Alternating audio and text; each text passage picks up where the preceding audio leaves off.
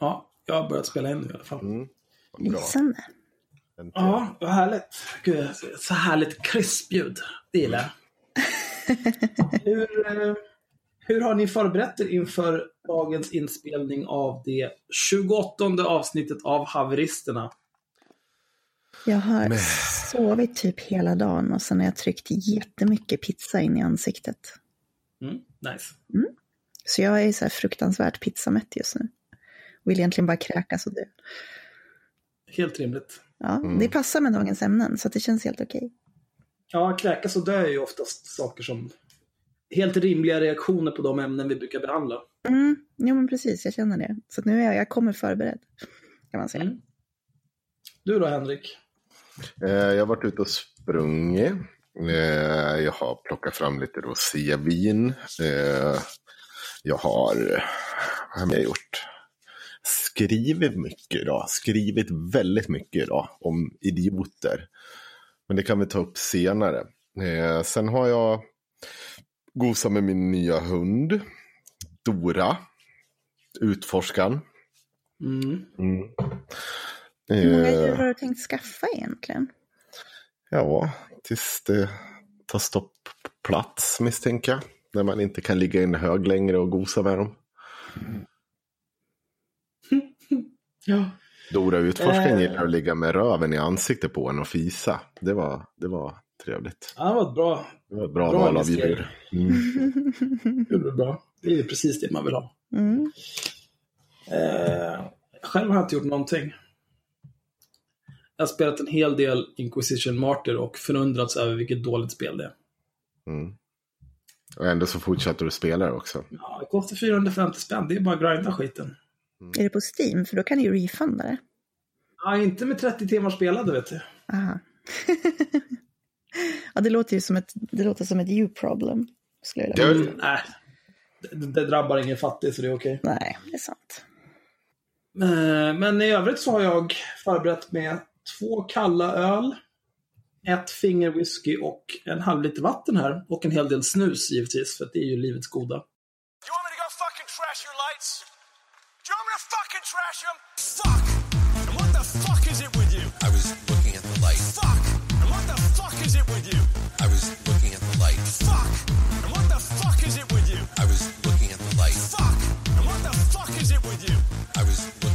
Kan vi ta det vanliga? Det är avsnitt 28. Nej, 29. Oj. 27 är ju släppt, 28 är ännu oklippt. Och osläppt. Så det här är avsnitt 29. Det är söndagen den 24 juni. Och idag ska vi prata om... Vad ska vi prata om till att börja med? Erik van der Heg. Ja, Ja. vårat Det ny, våra nya favorit. Alltså vi har så många vinklar på Erik van der Heg så det kommer ta upp stora delar av det här programmet. Det känns som att Erik Ja. van der Heg är vår nya Katarina Janouch. Alltså Erik, men det är för att Erik van der Heg, precis som Katarina Janouch, han har valt att knulla sig själv. Mm. Genom att vara en inkonsekvent hycklare. Han är en sån här som gräver, han fortsätter liksom gräva. Han, han, han inser, han blir, man blir, någon påtalar att han har grävt en grop. Och då reagerar han på det genom att gräva sig ännu djupare. Ja. För att han är nog inte så jävla klyftig.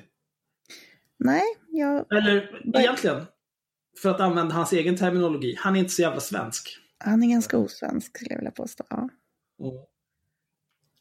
Vi kan ju börja med... Eh, Vi kan också listan. börja, nej, men vet, du- ja, ja, ja, Jaha, nej, men vi, nej. vi, vi ska Mm, också ja, prata ja, om mm. eh, Aftonbladet och eh, kom, eh, Virtanen och alla andra personer som fanns där kontra eh, K. Svensson. Det har vi lovat Ja. vår följare Morran länge nu. Eh, och, och det var någonting som vi kom på när vi satt och spelade, spelade Overwatch. Att jag tyckte att det där är ju fruktansvärt konstigt. Okej, men ska vi börja med det då? För att annars kommer vi glömma bort det. Ja, jag tror det. Och vi, då kan Ja. vi viga väldigt mycket tid åt Erik van der Heg. Jo, nej men det var så här. Vi, vi, jag och Morran satt och spelade lite Overwatch. För att folk som betalar för att lyssna på den här jävla skiten, de får lite privilegier. Bland annat sitta och spela Overwatch med oss. Alla får vara med och spela Overwatch. Alla får Det finns eh. Discord-länkar typ överallt i världen och vi spelar Overwatch och andra idiotspel typ dagligen. För vi är Nu, nu ska du inte förstöra Henriks Ja. sales pitch här. Ja, men börja skänk pengar till oss. Bete er som folk. Aron Flam, vet ni att ni, man ger honom 100 lax i månaden? 100 lax, vad får vi? Någon tusenlapp? Vi kan inte ens supa upp den där skiten för vi, vi håller på och bygger upp utrustning. Och så ger ni, går ni, är det ni, är det ni era jävla som springer och ger Navid Modiri? Vad heter- 300 lax! 300 lax! Det är helt Alltså, det är- Ja, vi måste prata om det jävla också. Fattiga jävla följare Han du har? talanglös. Det var det sämsta jävla piss jag har sett i det här. Han låter den där horkuken. Vad fan heter han? Per Björk någonting. Ja. Den där största jävla idioten får sitta där och mala på. Vadå? Vavra Suck? Ja, han kan ju vara lite av en eh, figur. Han är nazist! Han är nazist! Han har, ju, han, har ju även, han har ju även snott vår idé om att prata med Daniel Lampinen. Den öppna. Ja, Det var väl alltså, inte vår idé. Det var, vi, han betalar ju oss för att få vara med i podden. Ja, det är i och för sig. Men jag det- vill, bara, jag det ville bara, jag vill bara påpeka att det var vi som var, gjorde det först. Ja. Soran gjorde det först i och för sig. Ja, men i podd, som podd var det nog i och för sig. Han måste ha varit med i Magister någon gång säkert. Jag, tr- så, eh, oj, jag, jag träffade både Daniel Lampinen och din mamma Myra i Järva. Jo, jag vet. Hon sa att hon hade träffat dig och du såg plågad ut. Jaha, oj. Ja, jag, sa att, okej. jag sa att det var förmodligen för att hon hade berättat att det var det, att hon var min mamma. Jag sa att det var förmodligen därför du såg plågad ut. Nej, det var det absolut inte. Eh, Men, men okej, ja, men för hon sa inte först typ hon skulle gå att hon var din mamma. Så att jag visste inte det när jag stod och pratade med henne. Varför pratar vi om det här? Ja, men skitsamma. Eh, I alla fall. Det var faktiskt, det, det här ska mycket jag prata om Det var han som fick mig att få den här tanken. Det, det, är ju ingen som har missat att det är några Aftonbladet-medarbetare som har försvunnit från redaktionen så att säga. En har ju suttit i Uppdrag granskning och gråtit ut också. Eh, och Är det? Jag, jag, jag har ingen koll. jag kan ju säga så här att den nya rätts... eh, Krim, alltså han som pratar om eh, kriminalpolitik, det är väl den här, eh, han från Twitter, jag vet inte vad han heter. Men om vi säger så att det finns en Oisin Cantwell som har försvunnit från Aftonbladet. Mm. Mm. I tysthet. Eh, I tysthet. Och eh, så är det en som inte har försvunnit så mycket tysthet. Han heter Fredrik Virtanen. Och snälla Fredrik, stäm mig inte nu för att jag säger ditt namn. Men du, du har ju försvunnit därifrån med vissa anklagelser. Bland annat om våldtäkt och så vidare. Och samtidigt när, innan, alltså egentligen i början på metoo så har jag pratat med en del personer eh, av flera av varandra obekräftade källor kring Aftonbladet och vissa mer initierade än andra om jag uttalar mig så. Och jag frågade just om det där, så, så men det här kan ju liksom inte ha gått obemärkt förbi. Men nej, nej, för fan heller. Och utan att peka ut någon med namn så kan jag säga att det, det som påtalades var att, det, eller det som kom upp var att det hade påtalats genom åren. Eh, om och om och om igen för äh, Aftonbladets ledning. Men eh, de hade fått vara kvar. Och då kom jag på det här med, eh, vad heter han, eh, Kristoffer K. Svensson. Mm. När han sa att han skulle slå en yxa i, eh, vad heter hon, Åsa Linderborgs fitta. Mm. Jag vill inte på något sätt eh, säga att det här liksom, eh, var ett rimligt beteende av ett fyllo som ramlade in. Och även om man var full så egentligen, alltså du får ju skärpa det. Och det har jag tänkt på när vi har spelat in fulla också. Det är liksom så här, du, du får ju ta, stå ditt kast alltså. Nu har inte jag stått och sagt att man ska slå en yxa i fittan på någon på fylla. Men, men jag har väl sagt mer än vad jag kanske skulle säga annars. Eh, men, men jag kom på liksom bara hur jävla fort det gick och slänga honom till vargarna. Och liksom totalt gå ut och bara kasta ut han. Han var visserligen bara på Han var kontrakt. frilans. Han frilans. Men ändå, om det har påtalats år ut och år in om våldtäktsanklagelser, om tafsanklagelser, om grova jävla utspel som bland annat en av dem som har blivit försvunnit från Aftonbladet har, det har gjorts. Så kan man ju tycka hur jävla, alltså vad har de för jävla linje på Aftonbladet egentligen? Så man kan säga att de är lite osvenska i Jag ledningen. skulle säga att de är lite osvenska och lite hycklande eh, i den meningen. För att, för, för man ska komma Men jag tycker att det här är ett bra tillfälle att konsultera eh, Erik Svenskhetsguiden. Wanderhegs Svenskhetsguiden. Den här Ja. har, har vi sammanställt idag. Mm. Eh, och den är baserad på den text som Erik Wanderheg skrev om Östnöjens intervju med Janne Josefsson i ledarsidorna. Mm. Eh, punkt nummer ett. Följa alla krismanualer som finns. Det är något man måste göra. Två, Mm, man, man måste erkänna att det finns ett problem. Mm. Tre, man måste lova att gå till botten med det inträffade. Fyra, man måste ta på sig ansvar. Fem, man får inte ha med sin egen sminkös. Sex, man måste vara en man. Och inte, Då är man en en kvinna, ut- inte en kvinna utan heder. Jag, Inte en jag, kvinna utan heder jag tror ju att Aftonbladet lovade gång på gång att de skulle gå till botten med kulturen på sitt, eh, eh, i alla fall när det väl uppdagades. Men om vi säger de andra grejerna här, vet det fan om man gjorde alltså. Alltså de har väl, de har väl handlat i intresset att, att, att eh, skydda sina cash cows, så att säga. Jag antar att Åsa Linderborg är en bättre cash cow än Kringlan var. Mm. Det skulle vara min... Nej, men alltså, så, jo, men, nej, egentligen, nej, vet du vad? Igen, ja, precis. Det är också en grej. Så det, var ju det, det är väl det som är det stora problemet också. Här, att det var ju väldigt lätt att peka på kringlan. Och det, det är intressant det här. Och, och, och än en gång, jag vill vara tydlig med just det faktum att jag inte liksom stödjer hans uttalande. Jag tycker så här. Men om vi ska vara krass, är det någon som tror att han kommer gå och slå en yxa i fittan på Åsa Linderborg? Det var ju ganska, Nej, uppenbart, det var ju ganska uppenbart att det var ett osmakligt skämt. Ja. Men det är också, det är, ju, det är en väldig skillnad också, för resten är ju, övriga anklagelser är ju i princip bara hörsägen. Ja, ja, jag skulle Om du säga- jämför med vad som har kommit fram i offentligheten. Liksom. Vem som helst kunde ju höra att han... Ja, ja, ja, absolut. Jo, jo, jo. Sen att det säkert finns folk som sitter på Aftonbladet och kan vittna om saker och folk som Fast, kan... det- Så här, om jag får uttrycka mig så här då. Jag tänker inte röja någon källa. Det har påtalats för Aftonbladet väldigt tydligt. Och inte bara från en källa, utan väldigt många källor. Har, Jo, äh, framförallt jag tänker på hur en av de personerna. Det är en sak hur man hanterar saker internt. Men det är ju Mm. en helt annan hur man är tvungen att hantera saker om det blir liksom... Jo, fast det borde ju inte, alltså, äh, konsekvenserna för någons agerande borde ju bli detsamma. Alltså i båda fallen borde det ha det lätt. Jo, men i båda men fallen fast- borde man ha stoppat dem, båda Jo, men två. vi lever ju inte i en drömvärld nu. Utan nu lever vi i världen där, där man vill ha deg. Ja, Kan man fortsätta tjäna deg på de här människorna trots att de beter sig som svin, då kommer de för fort, förmodligen fortsätta göra det om man är osvensk. Ja, det är väl det som är det tråkiga. Men jag tycker bara att jag tycker det är fortfarande en relevant jämförelse. Framförallt just med tanke på vad jag vet om hur det har påtalats för Aftonbladets ledning. Men eh, eh, det är ju en annan femma. Man är väl inte så jävla... Det, man är väl lätt att avfärda sånt där skit. Eh, helt enkelt. Ja, jag kan hålla med om att det är en, en rimlig jämförelse. Ja. Men det är också så här, för Men det är, det, inte det, någonstans man gör... det är inte det enda inkonsekventa Aftonbladet har gjort i hanteringen av det här. Vi har ju redan pratat om hur inkonsekventa de har varit när det kommer till namnpubliceringar till exempel i samband med metoo. Eh, Aftonbladet har ju generellt visat sig ha jävligt dålig krishantering när det kommer till sådana här frågor. Så det är väl inte så konstigt att de har betett sig inkonsekvent i sin hantering eh, internt, tänker jag. Mm. Men det är dåligt. Nej. De kanske skulle ha, inte, byta ut hela sin HR-avdelning. Kanske. Mm, det skulle ju kunna vara något kanske. Ja, Åh. nej det är inte lätt. Ja, nej, men det, är- det, var inte, det var inte långt, men jag tycker fortfarande det är värt att uppmärksamma. Jag tycker att det är liksom, det är just det där man jämför med någon, det, det gång på gång påstås liksom, ja, eller påtas för ledningen att någon är handsy och någon är jävligt grov i käften och dittan och dattan.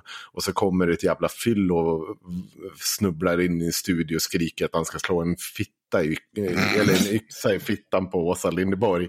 Så jag tror att man lätt kan se vilken det är som är det största och allvarligaste hotet här. Ja, det, är, men det, är Axel, jag- det är Axel Öhman som vänsterextrem som är det största hotet. Ja, Alex Lou Öhman Ja, förlåt. faktiskt. Eh, jag kan, Alltså, det är, ju- jag tycker båda situationerna förtjänar ungefär samma eh, respons. Liksom. Du, Ja, men du, jag säger- det- nu kan det du dra åt helvete. Ja, Ja, men jag håller ju med. Jag det håller jag med om. Fast alltså du har ju sagt värre saker på fyllan än så Axel. Absolut, men, men sitter jag i, i Aftonbladet och låtsas vara någon slags jävla godhetsapostel, en av vänsterns fyra riddare från Marx anus själv? Knappast. Jag jobbar med IT, jag bryr mig inte. Jag gör det här för att det är lag. Ja, ja. Jag ville bara att vi skulle... Fast du kan heller inte ha det som ursäkt hela tiden. Att du bara, nej men bara för att inte jag är snäll i övrigt så kan jag säga vad fan som helst. Nej, men det, det, det det handlar om, det är ju, hycklar du, förlorar du. Ja. Mm, Mannen. Och liksom de här människorna är ju hycklare för att de låtsas ju att de, är- de är så jävla goda och bra. De ska sitta och berätta för folk vad de ska tycka och tänka i olika krönikor och skit. Jag har inga sådana aspirationer. Fast du berättar ju gärna bara- vad folk ska tycka och tänka. Jo, jo, men vad har jag för reach liksom? 30 pers som lyssnar på den här podden 500 gånger per avsnitt. Ja, ja, ja. Nej, jag bara, bara så att vi är konsekventa och inte hycklare och tar ansvar. Ja, visst. Då så. Alltså så länge jag får vara skadeglad är jag egentligen nöjd. Men då kanske vi kan gå in på skadeglädjen. Mm, Erik Vanderloll. Mm. nu när vi ändå... Ska jag, får jag gå och hämta lite rosé först? Oj. På hissmusiken. Men vad, skulle inte det vara 15 gjort... minuter, sen har du redan hällt i dig din rosé. Ja. Oj. Ja, så går det när man har semester. Dålig människa. Men du hade någonting Erik Vanderheg-relaterat, Myra. Eh, nej, men jag vill ju prata om eh, att Expo... Jag vill ju prata om att Erik van, Erik van der Heeg postar allt högre propaganda och sen vägrar eh, vara svensk i sitt, sin hantering av det. Ja, men det, det är vad jag ville prata om också. Mm, precis. Men vi, för jag tänker att allt det här hänger ju liksom ihop. Så att det är Mm. svårt att prata eh, om det ena utan att ta upp det andra. För det är där någonstans det börjar med hela Erik van der Hegandet och även eh, han, eh, den här texten som han, eh, vad heter han, Westerlund? Vad fan heter han? Mm. Eh, som han Väster, ja, Västerlund. Jag har den här skriver. någonstans. Ja, eh, som han skriver när han ska, han ska liksom, istället för att då vara svensk och ta ansvar för misstaget som Erik van der Heeg har gjort som skribent på sajten, så börjar han ju prata och svamla om Alex Bengtsson och Expo. Ja, för att han är dum i huvudet. Men vi ska, vi har, vi har en hel del högläsning idag, tänkte jag. Eh, men eh, jag är också lite sugen på det här med, bara som en parentes, det här som eh, Erik Vanderheg skrev apropå den här jävla sportbollsgrejen. Ja, den är bra också. Just det, vi kan ju, eh, för, för våra följare som inte vet vad sportbollsgrejen är. Eh, Fotbolls-VM. ja, Ja, men det var någon sportbollare som försökte göra någonting i en sportbollssituation och det gick inget bra. Så han fick ett sport, då blev någon typ av sportbollstraff. Och, och olika människor som gillar sportboll blev upprörda ja det, eh, och så vann vi inte mot Tyskland. i sportbollen. i Sportbollen. Det var ungefär jag fattade. Jag och Axel var och drack öl igår under tiden som Sportbollen var. Och försökte avläsa av de andras reaktion vad som hände. Så vi liksom tog, tog rygg på en kille som hade på sig Sverigetröja, för han såg ut som att han förmodligen visste vad han pratade om. Så försökte vi liksom läsa hans reaktioner. Eh, och vi kom fram till att vi nog, fast vi trodde inte att vi- att Sverige hade gjort några mål alls. Jag tror att de gjorde något mål, kanske. Jag, jag utläste inga sportbollsmål av sportbollskillens eh, kroppsspråk. Nej, inte jag heller, men eh, tydligen så gjorde vi, eller vi och vi, Däremot sportbollsspelarna så gjorde tydligen. noterade jag att eh, trots att han var liksom blond och blåögd så tyckte jag att han hade ett väldigt osvenskt kroppsspråk. Det var liksom så här ryckigt och aggressivt. Och yvigt liksom. Ja, yvigt. Inte alls svenskt. Nej, Det kändes inte bra. Jag kände mig inte trygg. nej, det var tur att han var inomhus och vi var utomhus. Som riktiga människor. Eh, men eh, i alla fall så den här sportbollskillen, som jag har förstått det nu med min ytterst begränsade kunskap om fotboll, så, så gjorde han någon sorts spark på någon annan sportbollsspelare från Tyskland, vilket gjorde att, att Tyskland fick göra en frispark.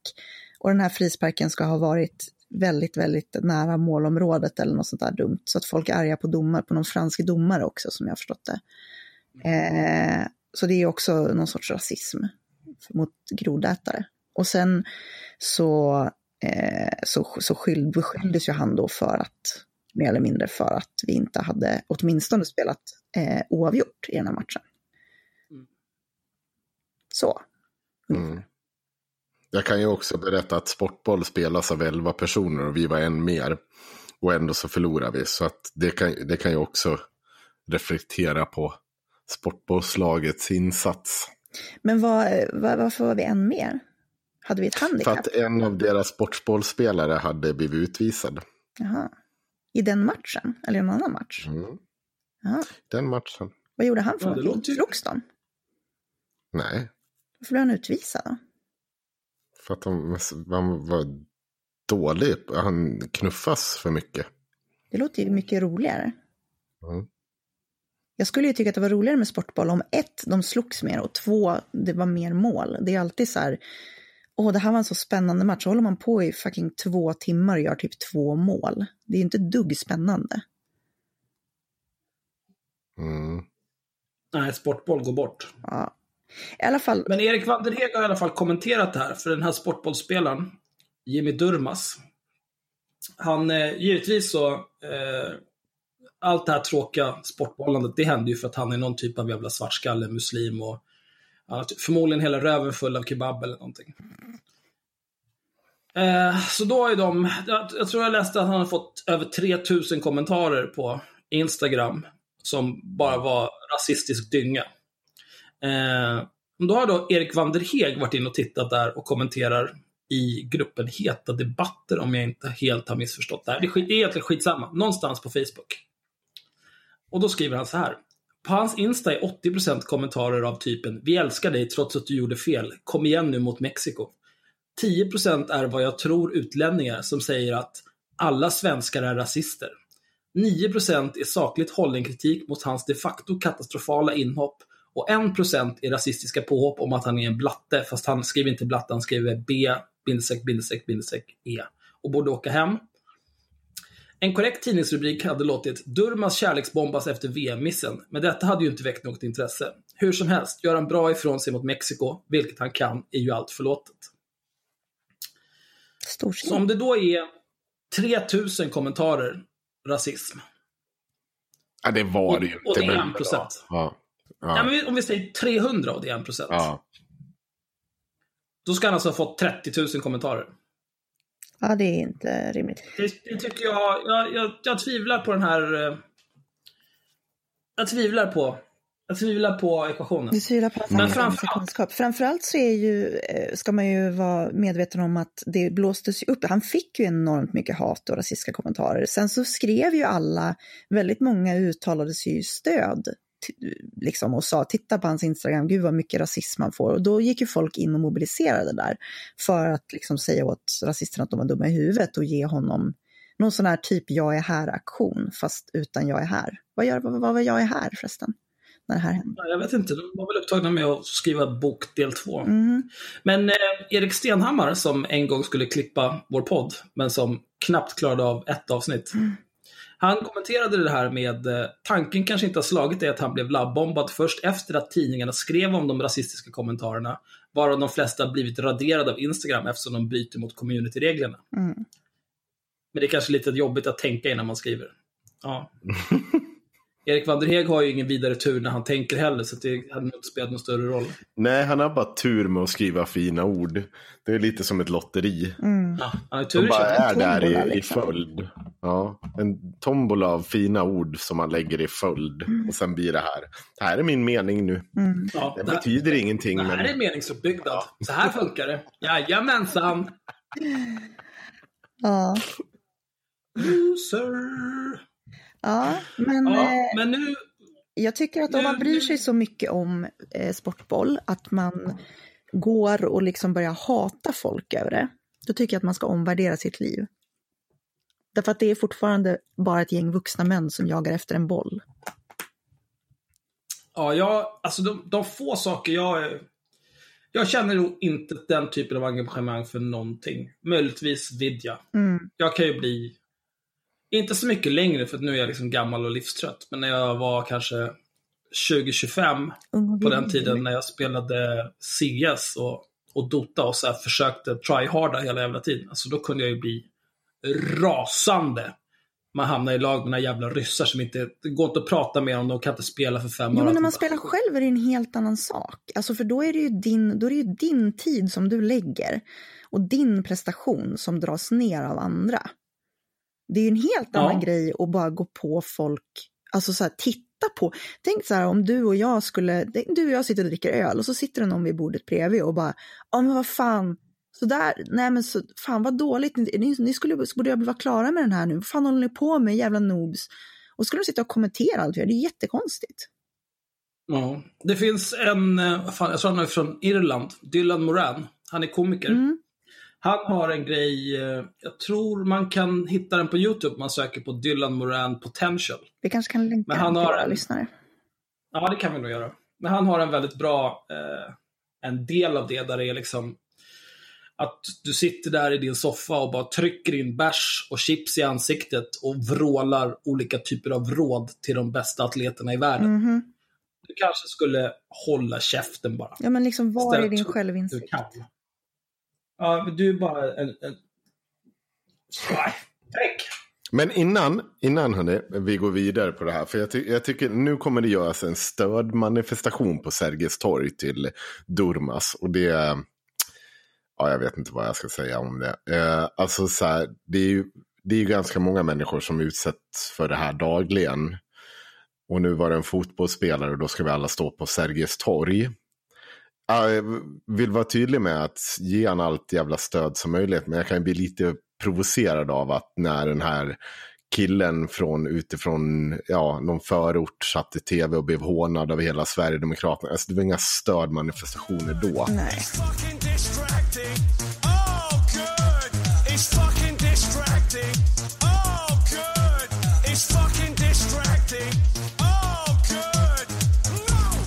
Det har hänt någonting mer och det är ju såklart att eh, V och Fasa, man har lagat kebab i tv.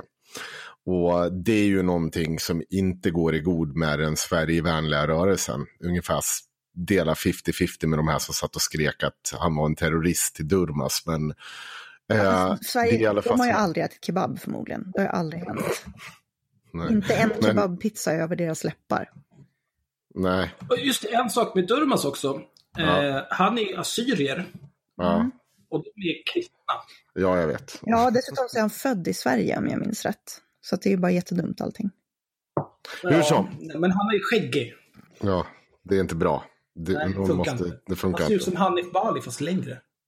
Eh, vi på IRM i alla fall har skrivit om att eh, bland annat de i Flen och några andra SD-politiker och hela den Sverigevänliga rörelsen gick koko fucking bananas när eh, det, TV4 hade fräckheten att bjuda in Seina Murtada, en, en av prisbelönt matbloggare eh, till TV4s morgonprogram på midsommardagen för att laga kebab.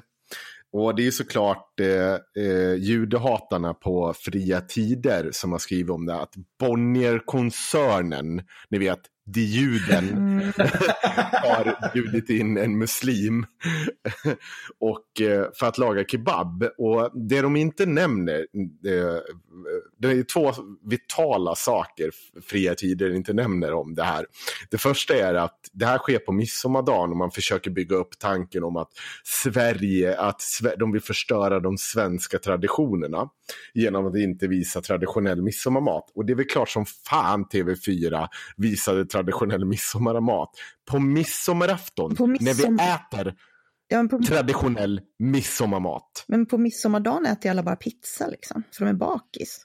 Exakt, exakt. Och Nej, vad men, är... eh, alltså, nu ska jag berätta. Jag, jag är ändå längre erfarenhet av svensk än vad någon av er har. Mm.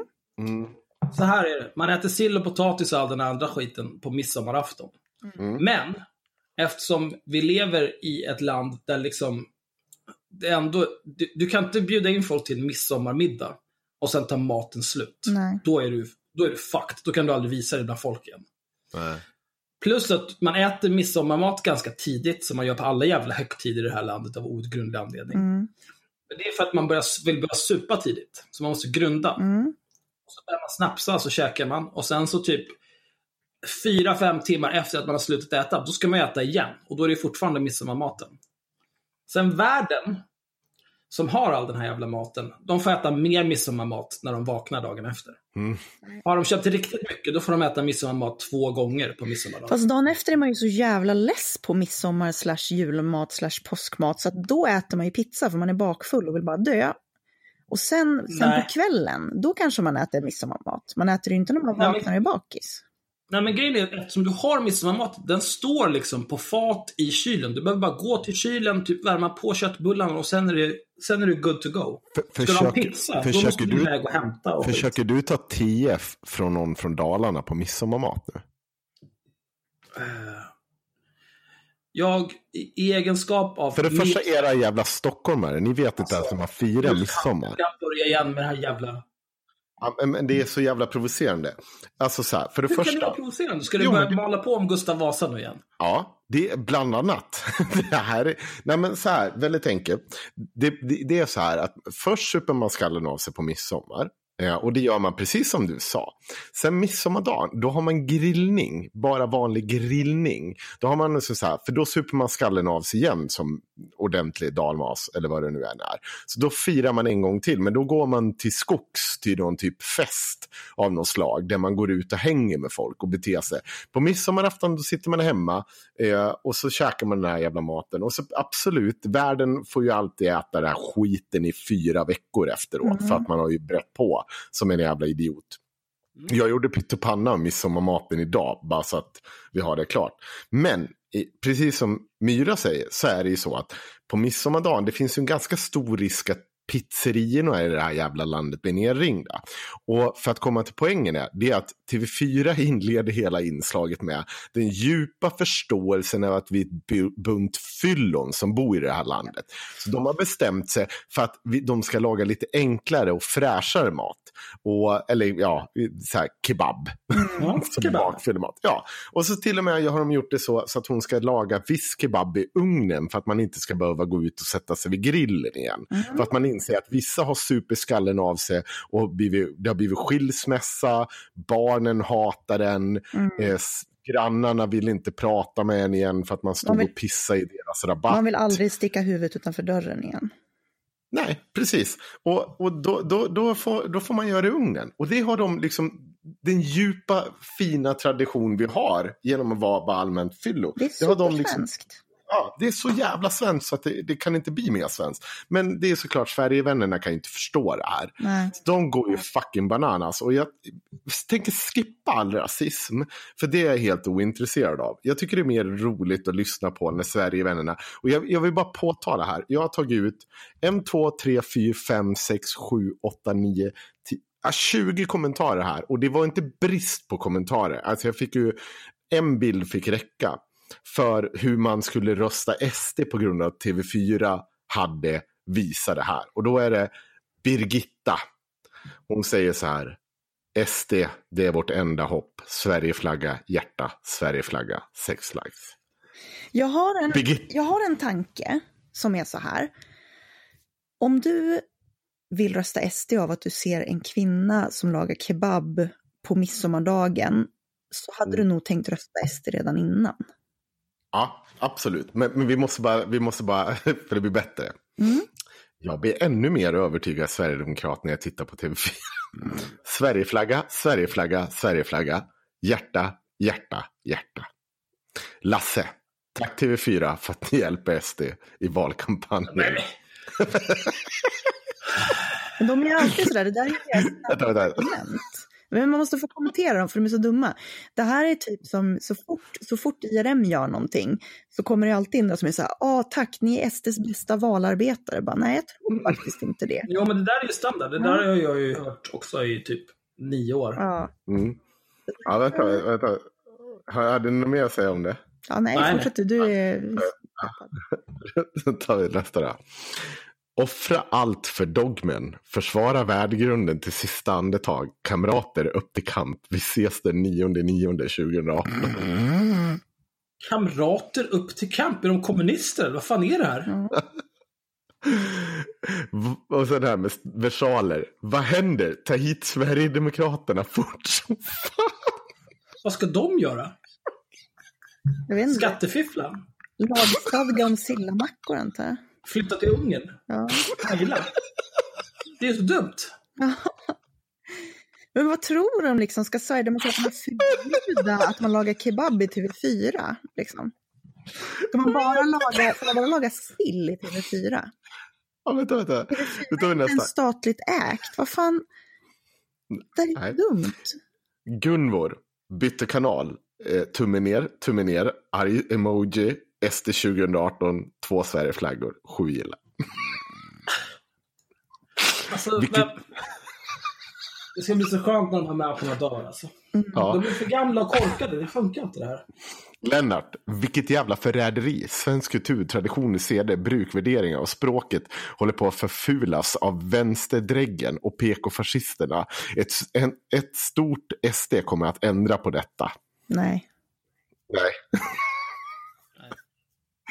Eh, nu ska vi se. Eh, Alltså ibland så hoppas jag att SD får så här 60 procent så, att de- så att de kan ha liksom egen majoritet och sen så får de se att ingenting kommer förändras. Fattar ni vilken, vilken jävla rude awakening för de här Det människorna? kommer bli ännu värre. Alltså om de skulle få egen majoritet, då skulle de ju först krascha hela jävla landet och ekonomin trots Ja. att vi har högkonjunktur. För att de är totalt inkompetenta. Ja, ja, ja. Och de har inte ens politikerna att gå och fylla alla sina stolar. Nej. Då ska vi få vaska fyra år på deras mandatperiod. Mm. Och sen får vi vaska fyra år till på nästa mandatperiod och bygga upp skit igen till där vi är idag. Mm. Gun och, Gun och Ulla har också två kommentarer här som vi, vi måste ta.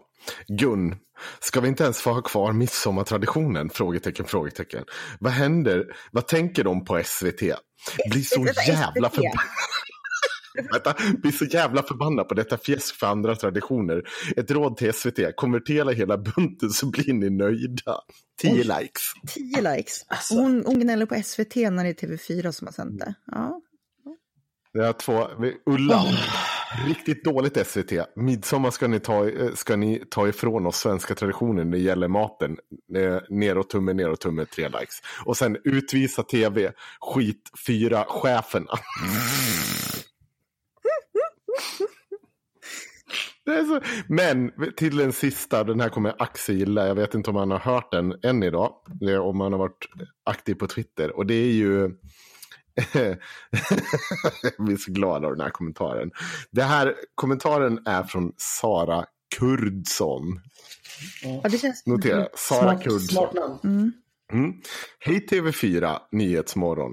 Jag har utländsk bakgrund. Det ni gör kallar, äh, kallar det för noll integration. Jag personligen har flytt Mellanösterns mat och slöja.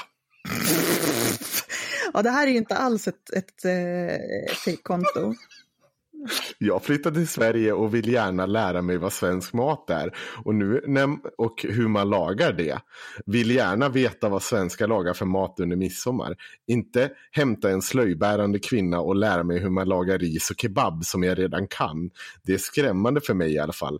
Och ja, jag är en, eh, jag är en av svenska folket, har rätt att integreras. Svensk media är bara ett skämt och pinsamt. Vill man äta eller lära sig om Mellanösterns mat, då får, man, får ni gå till förorterna som har noll integrerad. Inte på tv. Man blir så himla less med er. På era naiva svenskar. Det räcker för fan. Ja, Okej, ja. Men, men, men hon, hon har skrivit det här i gruppen Stå upp för Sverige. Alltså hon har alltså inte lärt sig att äta sven, eller lä, laga svensk mat. Men hon har hittat till Stå upp för Sverige för att skriva arga kommentarer. Ja, jo, det Nej känns... men Kurdsson, kom igen. Kurdsson. Alltså, men det, Sara det, Kurdsson. det, är som är, så- det här är deras nya grej. Eh, det, här, det är så här man hittar ett, ett nytt så här påverkanskonto från Sverigevännerna. De är alltid så här, jag är Nu låter för... det för jävligt med det. Ja, oj. Nej, nu vart det bättre. Ja. De, men de har ju alltid såna här, eh, deras nya konton är ju alltid så där, eh, jag är en kvinna med, med invandrarbakgrund som brukade rösta på Fi, men nu röstar jag på SD liksom. Mm. Och så är det jättegenomskinligt att det här är inte, för det första är det inte ens en kvinna som är bakom det, för det märks oftast på sättet folk skriver liksom. Mm. För det andra så har den här människan inte någon invandrarbakgrund och har förmodligen, om båda de här nu skulle stämma mot all förmodan så har den här personen aldrig någonsin röstat Fi. Så det är liksom, det är deras nya grej. Eh, Jag har Nej, sett det- flertal sådana. De tror, ju, de tror ju att vi andra är lika korkade som de är. Mm, Ja, men Så vänta, liksom, vänta, vänta. Nu ska jag nu. nämna allting som jag inte gillar. mm. Och då kommer det verka skitsmart. Ja, men vänta nu. Ni, ni sa så här att de tror att alla andra är lika korkade.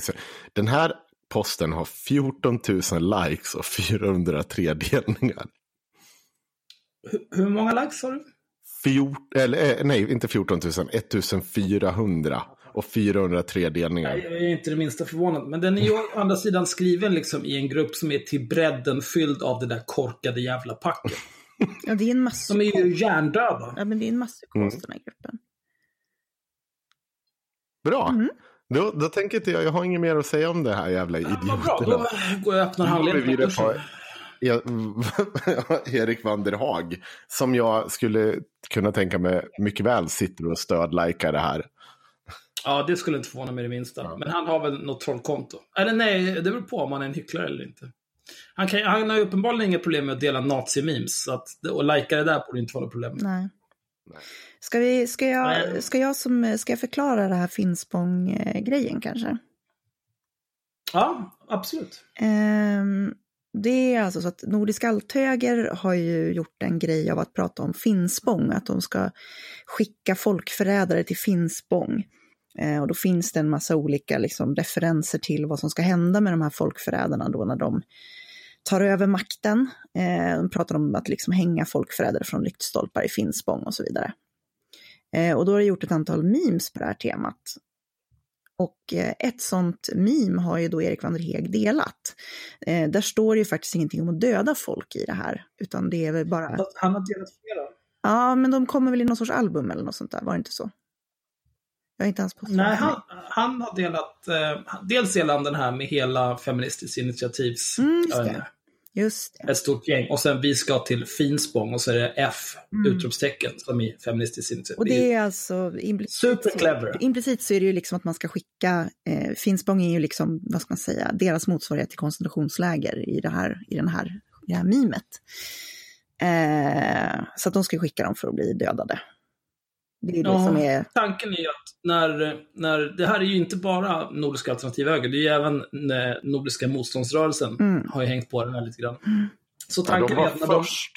De var först. Ja, det är De satt, eh, de, de satt eh, stickers på, på lyktstolpar som stod det reserverat för landsförrädare. jo fast Ja, det, just det är lite det de har fått Jo, det precis. Men, nej, men alltså, det är ju Finspång-grejen, just att, att man pratar om Finspång. men, de, men det är, det är en, det är en mashup. Liksom. Ja. Mm. Det är dels att Nordiska motståndsrörelsen ska hänga folk i lyktstolpar och sen att Nordisk alternativhöger ska ha någon slags folktribunal i Finspång där de ska döma olika typer av landsförrädare Precis. till döden för brott mot det svenska folket. Så ska de hänga dem i lyktstolpar. Mm. det det är ett avancerat och eh, i princip ogenomförbart live med tanke på vilka det är som försöker organisera det. Hur går det med deras, eh, hur går det med Ingrid och, Ingrid och Konrads eh, lekstuga för nazister förresten? Ja, jag, vet inte, jag har inte hört hört någonting. någonting om det. Men jag är ju, det är ju främst Nej. för att jag får inga nyheter längre eftersom eh, Plockepinnet bannade mig från deras Discord. Nej. Men de har ju också de har ju satt allting bakom betalvägg för att de släpper 800 avsnitt i veckan. Så att de måste ha betalt för att sitta hela dagarna och prata. Mm. På, Det är skönt ändå att ha en sån fanbase som är så pass lojal att de degar för den där skiten. Ja, tänk om vi hade det. Mm. Ja, det skulle vara något. Mm. Eh, Då kanske avsnittet skulle komma lite oftare, men det är klart, man får ju vad man betalar för. Betalar man inte, då får man inte klaga. Men jag är inte bitter. Jag, ty- jag tycker om att jobba, tycker det är jättekul. ja. Jag tycker jättemycket om att inte behöva klippa podden, det är det bästa jag vet. Ja. Bra Mia, bra. Mm. Lär eh, Men Erik Eek hade också delat en eh, där det var någonting med feministiskt initiativ och en bild på en lyktstolpe. Mm. Så att liksom, han, han är inte omedveten om vad det här symboliserar. Han kan vara det. Om vi ska vara riktigt, riktigt snälla så skulle han kunna vara omedveten om det faktiskt. Och bara tycka att det var roligt. Men alltså, han måste förstå någonstans varför- att varför- det handlar om att man ska skicka iväg så om man inte håller med. Liksom. Sen om man fattar att man ska hänga dem eller inte, ja det kan han ju hävda tills han blir blå i ansiktet att han inte har fattat. Men då är han ju dum i huvudet. Ja, ja, alltså antingen så är han ju bara den typen av äcklig jävla boomer som delar memes utan att begripa vad de Exakt. betyder. Och jag skulle inte, I wouldn't put it past him så att säga. Nej, alltså han har ju, han har ju inte direkt eh, gett mig intrycket av att han är speciellt intelligent. Det kan jag säga. Det talar ju för honom i det här fallet. Mm. Men eh, det ska man ju inte heller göra. Och nu har han ju faktiskt, och det- då kan man ju titta på reaktionen när han då får höra vad det här betyder. För då kan man ju tänka att är man svensk i en sån situation, Mm. Då gäller det att Följa krismanualer, erkänna att det finns problem, lova att gå till botten med det inträffade. Ta på sig ansvar. Han har å andra sidan, vad jag vet, inte haft med sin egen sminkös någonstans. Så det är ju en av sex, det är bra. Han är på god väg att bli svensk. Bli. Men jag vet inte, det, är mycket skit här. Eh, Jag vet inte riktigt var vi ska börja med all den här. Ehm, jag tänker att jag skulle vilja, det var ju alltså Expo som, som Expo skriver då om att han har delat den här eh, och gör en artikel om och förklarar liksom eh, lite grann om althögen och det här att de eh, att ledarsidor, en av ledarsidornas skribenter skriver eller delar de här memesen och sen förklarar de också ganska bra poängen med att göra den här typen, alltså att jobba med memes som Nordiska althöga gör. Men Myra, kan inte du, du få ta den här högläsningen och så hoppar vi emellan. Eh, alltså du börjar med, för att den här tror jag att vi behöver läsa igenom så att vi inte är på något sätt oklara med vad faktiskt Expo säger. Det vore nice. Men det, jag tänker det är en så jävla lång text bara. Men, men alltså vi kan ju ta, jag kan ju, jag kan ju ta några viktiga, några viktiga punkter i det här, eh, möjligtvis då. Men jag tänker att jag ska inte läsa hela för att det, det är lite dumt. Gör Ja, det, det till bra. Rosia. Eh, Expos text heter alltså då Så sprids nazisternas mordfantasier. Eh, och de förklarar ju då först att de har spridit, spridit memes och propaganda under den här Finspångsrättegångarna. Och så förklarar de ju då liksom att fin, var Finspångsmimet kommer ifrån, vilket är jävligt bra förklarat skulle jag vilja säga. Eh, och sen då så, är det, så skriver de så här, sprids av skribent på sajten Ledarsidorna. Nordiska alternativhöger har producerat memer, delningsvänliga bilder, där bland annat en bild på partistyrelsen för Feministiskt initiativ rubriksätts med texten Vi ska till Finspång. Ja, ni fattar poängen. Feministerna förtjänar att hängas lyktstolpar. Nu har också aktörer som inte vanligtvis brukar vilja associeras med landets mest vanvettiga nazister börjat sprida budskapet vidare. Erik van der Heeg, skribent på sajten Ledarsidorna, har postat Nordiska alternativhögers mem. När han för några dagar sedan postade bilden med Feministiskt initiativs partistyrelse så gillade ledarsidornas ansvariga utgivare Johan Westerholm inlägget. I kommentarsfältet la han till “Jag ska inte till Finspång”. Bilden delades vidare av partiet Medborgerlig Samlings lokalavdelning i Järfälla. Eh, så flyter den mest vulgära formen av nazistpropaganda in i de sfärer där de nya invandringskritikerna, inom citationstecken, håller till. På ledarsidorna är författaren Ann Heberlein, som också kandiderar för Moderaterna i Lund i höstens val, återkommande krönikör. Hon och Erik van der Heg har för övrigt kommit ut i skvallerpressen som ett par. Det är lite irrelevant kan jag tycka, eh, att man skriver. Det känns bara... Det räcker ju att koppla ihop dem med att de båda skriver för ledarsidorna. Ja. För att det är an- anledningen till att nämna henne är ju för att eh, i, eh, om Erik Heg delar den här typen av nazistmemes, Mm. då är det relevant för Johan Westerholm Mm. att ta reda på vad håller du på med? Kan den här personen fortsätta skriva för min publikation? Mm. Står jag för, för om, om Erik van der Heg får fortsätta skriva för ledarsidorna nu, Mm. då kan man ju säga att eh, Johan Westerholm också tycker att nazistmemes är ganska roliga. Han har ju faktiskt gillat den. Så att det har en... Mm, jag pratade med eh, eh, världens roligaste komiker Ja, jag kommer till det. Jag ska precis nämna honom här. Eh, jag vill Ja. bara nämna det där att det är lite konstigt att man ska skriva att de har kommit ut i skvallerpressen som ett par. Jag förstår inte riktigt poängen med det. Men sista, sista eh, jag ska läsa här, för det kommer att bli relevant när du går iväg på ditt eh, rant sen. Så skriver de ändå även att ledarsidorna har en form av samarbete med komikern och debattören Aron Flam som annars gör stora poänger om antisemitismens utbredning. Där finns texter av terrorexperten Magnus Norell. Även moderaten Henrik Sundström som kandiderar för partiet i riksdagsvalet och i nästa års val till EU-parlamentet skriver på sajten. Så länge inget annat sägs så får vi anta att de inte har något problem att synas på en sajt som huserar och drivs av personer som utan betänkligheter delar nazistpropaganda om att hänga politiska motståndare i lyktstolpar. Eh, och sen så går de då in på att liksom hur det här funkar, att man, man jobbar faktiskt med de här roliga skämten som ett sätt att radikalisera folk.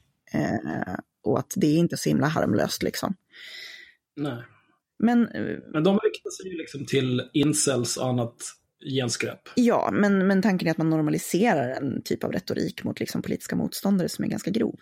Jag tolkar ju den här, och det gjorde jag när jag läste texten första gången, så tolkar jag den här när de börjar prata om alla som jobbar med ledarsidan och så tänker jag att det är ett sätt att, att liksom, folk som inte känner till ledarsidorna förstår att oj, de här har ju kopplingar till en massa legitima människor. Det är lite konstigt. Mm. Eh, så tolkade jag det. Så tolkade inte Aron Ja, Flam det- det, men vi kommer till det sen. Ja, det var precis så jag tolkar det också. Att det är ju ett sätt att tvinga fram en, eh, någon typ av reaktion. Mm. Ja, men man tar upp folk som man ändå så tycker är ganska vettiga och rumsrena och säger ja, ni, eh, eh, liksom, ni har ingen reaktion på det här eller? Vad, vad är grejen? Eh, eh, Aron Flam påstår att han har pratat med Johan Westerholm om det här och att han är nöjd med de svar han har fått. Eh, jag ställde lite följdfrågor som han vägrade svara på utan började eh, svamla om att jag är socialist och antisemit istället för att han är dum i huvudet. Mm. Eh, men han sa att Johan Westerholm inte kände till det här, att det var en nazistmeme. Mm. Utan att den, hela den här “jag ska inte till Finspång”, att det liksom var ärligt menat. Att han trodde att Feministiskt initiativ ska till Finspång och ha någon typ av event eller någonting inför valet. Och att han inte ska dit. Eh, det här, nu, nu, nu jag spekulerar vad det skulle vara liksom, som gör Ja, men att du, han... du tolkar den välvilligt. Mm. Ja, ja, men det är den, det är den absolut mest välvilliga vi. tolkning jag kan göra. Eh, att han säger, ah, okej, men de ska dit, jag gillar inte dem, jag tänker inte åka dit. Det är okej. Jag, jag kan tänka mig det, för att han är också en äcklig jävla boomer som inte fattar någonting. Mm. Så visst, jag kan köpa det, men då är ju frågan som jag ställde till Aron Fram, okej, men Erik Vanderheg, han, han begriper ju vad det här är. Han begriper vad det är han har delat. Vad är Johan Westerholms reaktion på det? Vad är din reaktion på Johan Westerholms reaktion? För att om Johan Westerholm tycker, ja men Erik Vanderheg, det är klart att den här jävla nazistkollaboratören, han kan fortsätta skriva för ledarsidorna. Vad tycker du Aron Flam om det? Vem är det som håller på att liksom gräva på sin mikrofon just nu?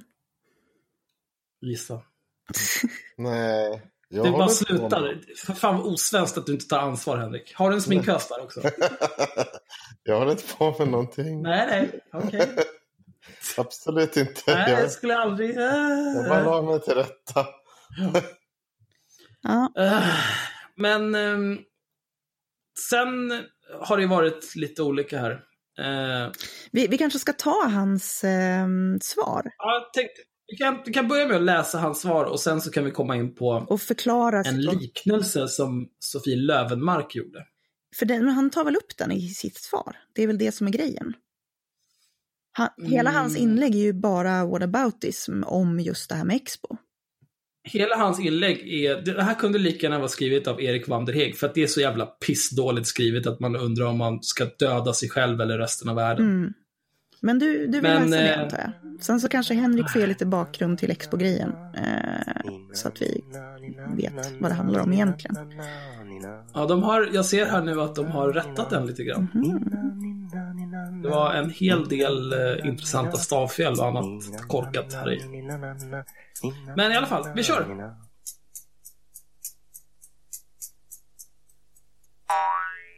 Dagens boktips. Expo. Autonom, våldshetsande vänster. Om än i statligt finansierad filmindustri. Våldshästande. Det var och för sig jag som läste fel, men det kunde lika gärna varit våldshästande.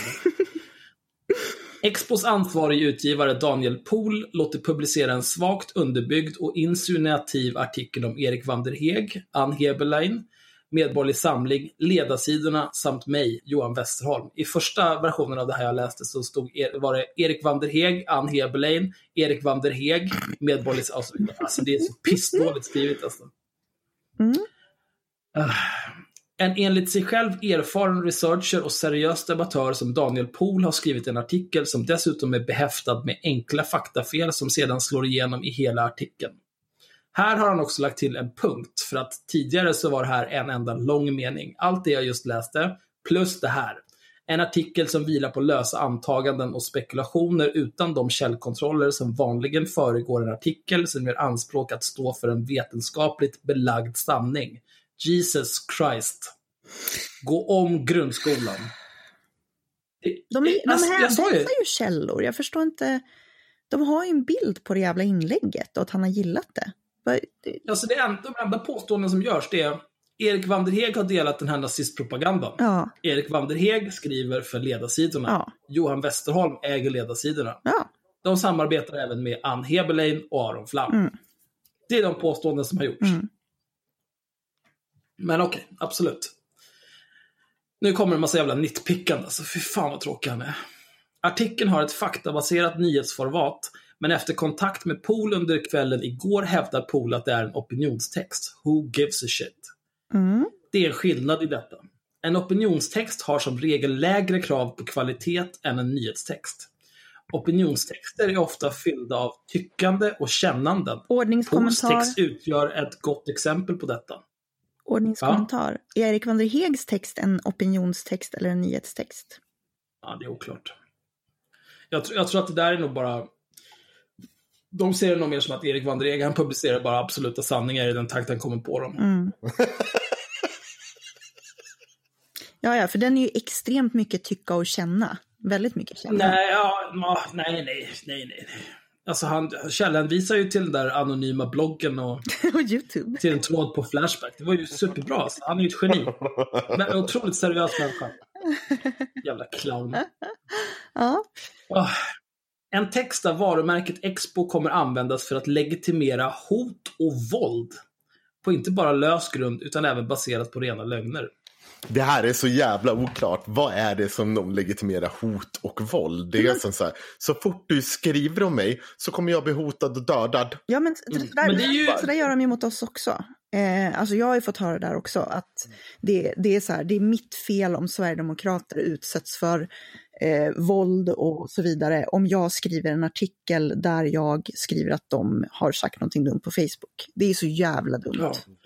Och det är ju samma sak som Mattias Albinsson och Mats Dagerlind grinar om. Så här. Mm. Eh, nej, nej, jag tror inte att, tror inte att Alex, han, är nog ing, han har inget våldskapital och jag tror inte att han skulle Fast det göra är någonting. lite Men grad- någon kan ju läsa det och göra Alltså vad nu, som helst. nu ska vi vara rättvisa. Du säger ju faktiskt att de förtjänar att bli dödade. Vi skriver artiklar och Daniel Pohl skriver en text om att, som inte säger att de ska, borde bli dödade.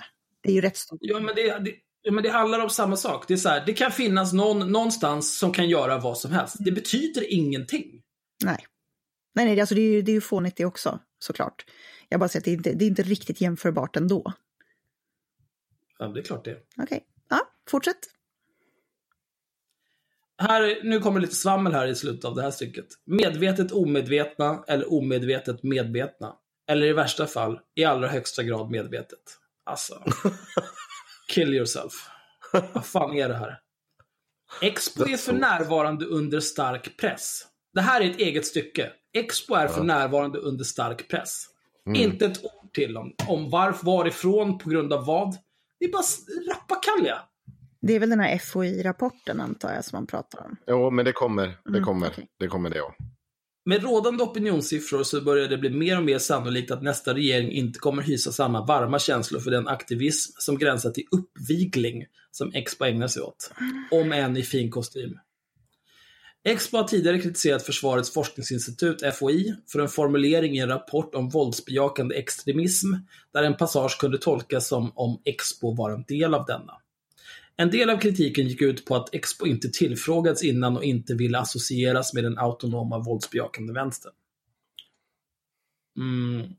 Och sen är det den här passagen, jag kan läsa den också. Mm. Eh, 3.2.5 Infiltration och efterforskningar. Infiltration och efterforskningar av olika slag förekommer i de autonoma rörelserna. Syftet med efterforskningarna varierar. Ibland vill man ha information om personer som man vill ställa till svars på något sätt, parentes, exempelvis genom hembesök i form av hot och trakasserier, slutparentes. Och ibland vill man ha information för att, ha, att med namn och bild kunna hänga ut personer som är aktiva i radikalnationalistiska organisationer. Granskningar av de nationalistiska miljöerna kan ske på en mängd olika sätt. På uppdrag av den brittiska organisationen Hope Not Hate levde en svensk antifascist undercover med den amerikanska radikalnationalistiska rörelsen under ett års tid för att kunna skriva en rapport och göra en dokumentär om detta. Jag träffade honom när jag var på Stora Journalistpriset förra året, bara så att ni vet. Han följer mig på Twitter, bara så ni vet. Jag skulle också vilja gå på Stora Journalistpriset. Har du varit på Stora Journalistpriset någon gång, Henrik? Jag har aldrig varit där. Jag skulle jättegärna besöka Stora Journalistpriset någon gång. Jag kan se om jag kan fixa in er i år. På, Journalistpriset. Jag, ja, på Stora Journal- jag träffade ju Wolodarski, skakade hand och pratade lite grann om någon som fick något pris som jag inte visste vem det var. Men jag, jag tror jag fejkade det rätt bra. Mm. I Sverige är researchgruppen, så här skrivet, och stiftelsen Expo två exempel på organisationer som också granskar nationalistiska miljöer. Researchgruppen blev uppmärksammad under 2013 när man i samarbete med en stor kvällstidning granskade de anonyma männen och kvinnorna som skrev kommentarer i några av Sveriges invandringskritiska mediers kommentarsfält. Mm. Notera då att... eh, Invandringskritiska. Ja. Ja, men notera då att det enda som står här om, om Expo, det i Sverige är researchgruppen och stiftelsen Expo två exempel på organisationer som också granskar nationalistiska miljöer. Mm. Det är det enda som står Ja, men det, här, det är ju det här, det är precis det här. Vilken, det är det här som är vattendelan till om du är efterbliven eller om du kan eh, liksom agera utifrån, äh, utan att du låter din åsikt om en organisation eh, fördum, eh, fördunkla din liksom, objektivitet. Det står ingenting egentligen om att eller det står ju att de är en del av den autonoma miljön, men det står inte varför, utan det, det är bara typ Men det är som bara att konstigt att nämna dem egentligen. Ja, men det, det Ja, enda som absolut. står är ju att de, de, är, de granskar nationalistiska miljöer. Det, det står lite mer i eh, rapporten också, jag har läst hela stycket. Eh, och det står så här, typ, de, de, de definieras som autonoma för att de är autonoma. Och, och precis, alltså de är ju autonoma. Men au- autonom är inte pejorativt eller dåligt på något vis. Nej, nej, och det är inte heller så man definierar allting. Man definierar inte en, ett, liksom, ett utgivars, alltså en organisation med utgivarskap som ja, har jobbat och verkat journalistiskt i fan Sverige 25-30 år nu som autonom bara liksom för att de inte styrs av staten på något sätt. Det är, det är en jättemärklig definition. Och enligt den definitionen så borde vi ha stått med i rapporten på interrasismen. Det finns, alltså vi borde ha varit ännu mer för vi tar inte emot, alltså så här, vi, vi är ju helt autonoma. Där vi tar in pengar bara på, vi har liksom inga bidrag, ingenting. Eh, vi borde ju verkligen ha stått med där. Och det är ju så konstigt att man inte tar med oss och ändå så nämner dem i sammanhanget. Men det, det beskriver ju inte eh, researchgruppen, de har ju haft autonoma aktivister med Mm. in, i, i sin organisation. Det hade ju varit mycket rimligare att man hänvisar tillbaka till att det fanns en person för 25 år sedan Mm. i den organisationen. Det börjar ju bli lite löjeväckande. Och det är ju det här, det, det, är ju det här som visar att det här eh, Johan Westerholm är en jävla sopa av rang Mm. som vill bara använda allt han kommer åt. Och det hade, hade det inte varit det här så hade det varit någonting annat ur den, ur den rasideologiska miljöns granskning. Mm. Granskning gör jag nu med hartassar runt kring. Ah, det är så tramsigt, det är så jävla... Men han, han hade lika är gärna kunnat använda. Wells liksom, eh, som källa i det här fallet. Mm. Ja, men... Eh, ja, som kommentar på det här då. FOI valde att inte vika sig för kritiken utan lät passagen stå kvar orörd. Okej, ja. Fabulous. Och nu kommer en till riktig jävla Erik Vanderheg stycke. Alltså fy fan, vilken plåga det här är att läsa. Innan artikeln av Pool, som innehåller remarkabla påståenden om åsikter, gjorde vare sig Prata Pool eller Expo... för fan. Nej, men det går inte. Gjorde vare sig Pool eller Expo några som helst kontaktförsök med dem som de nu åsätter åsikter och värderingar.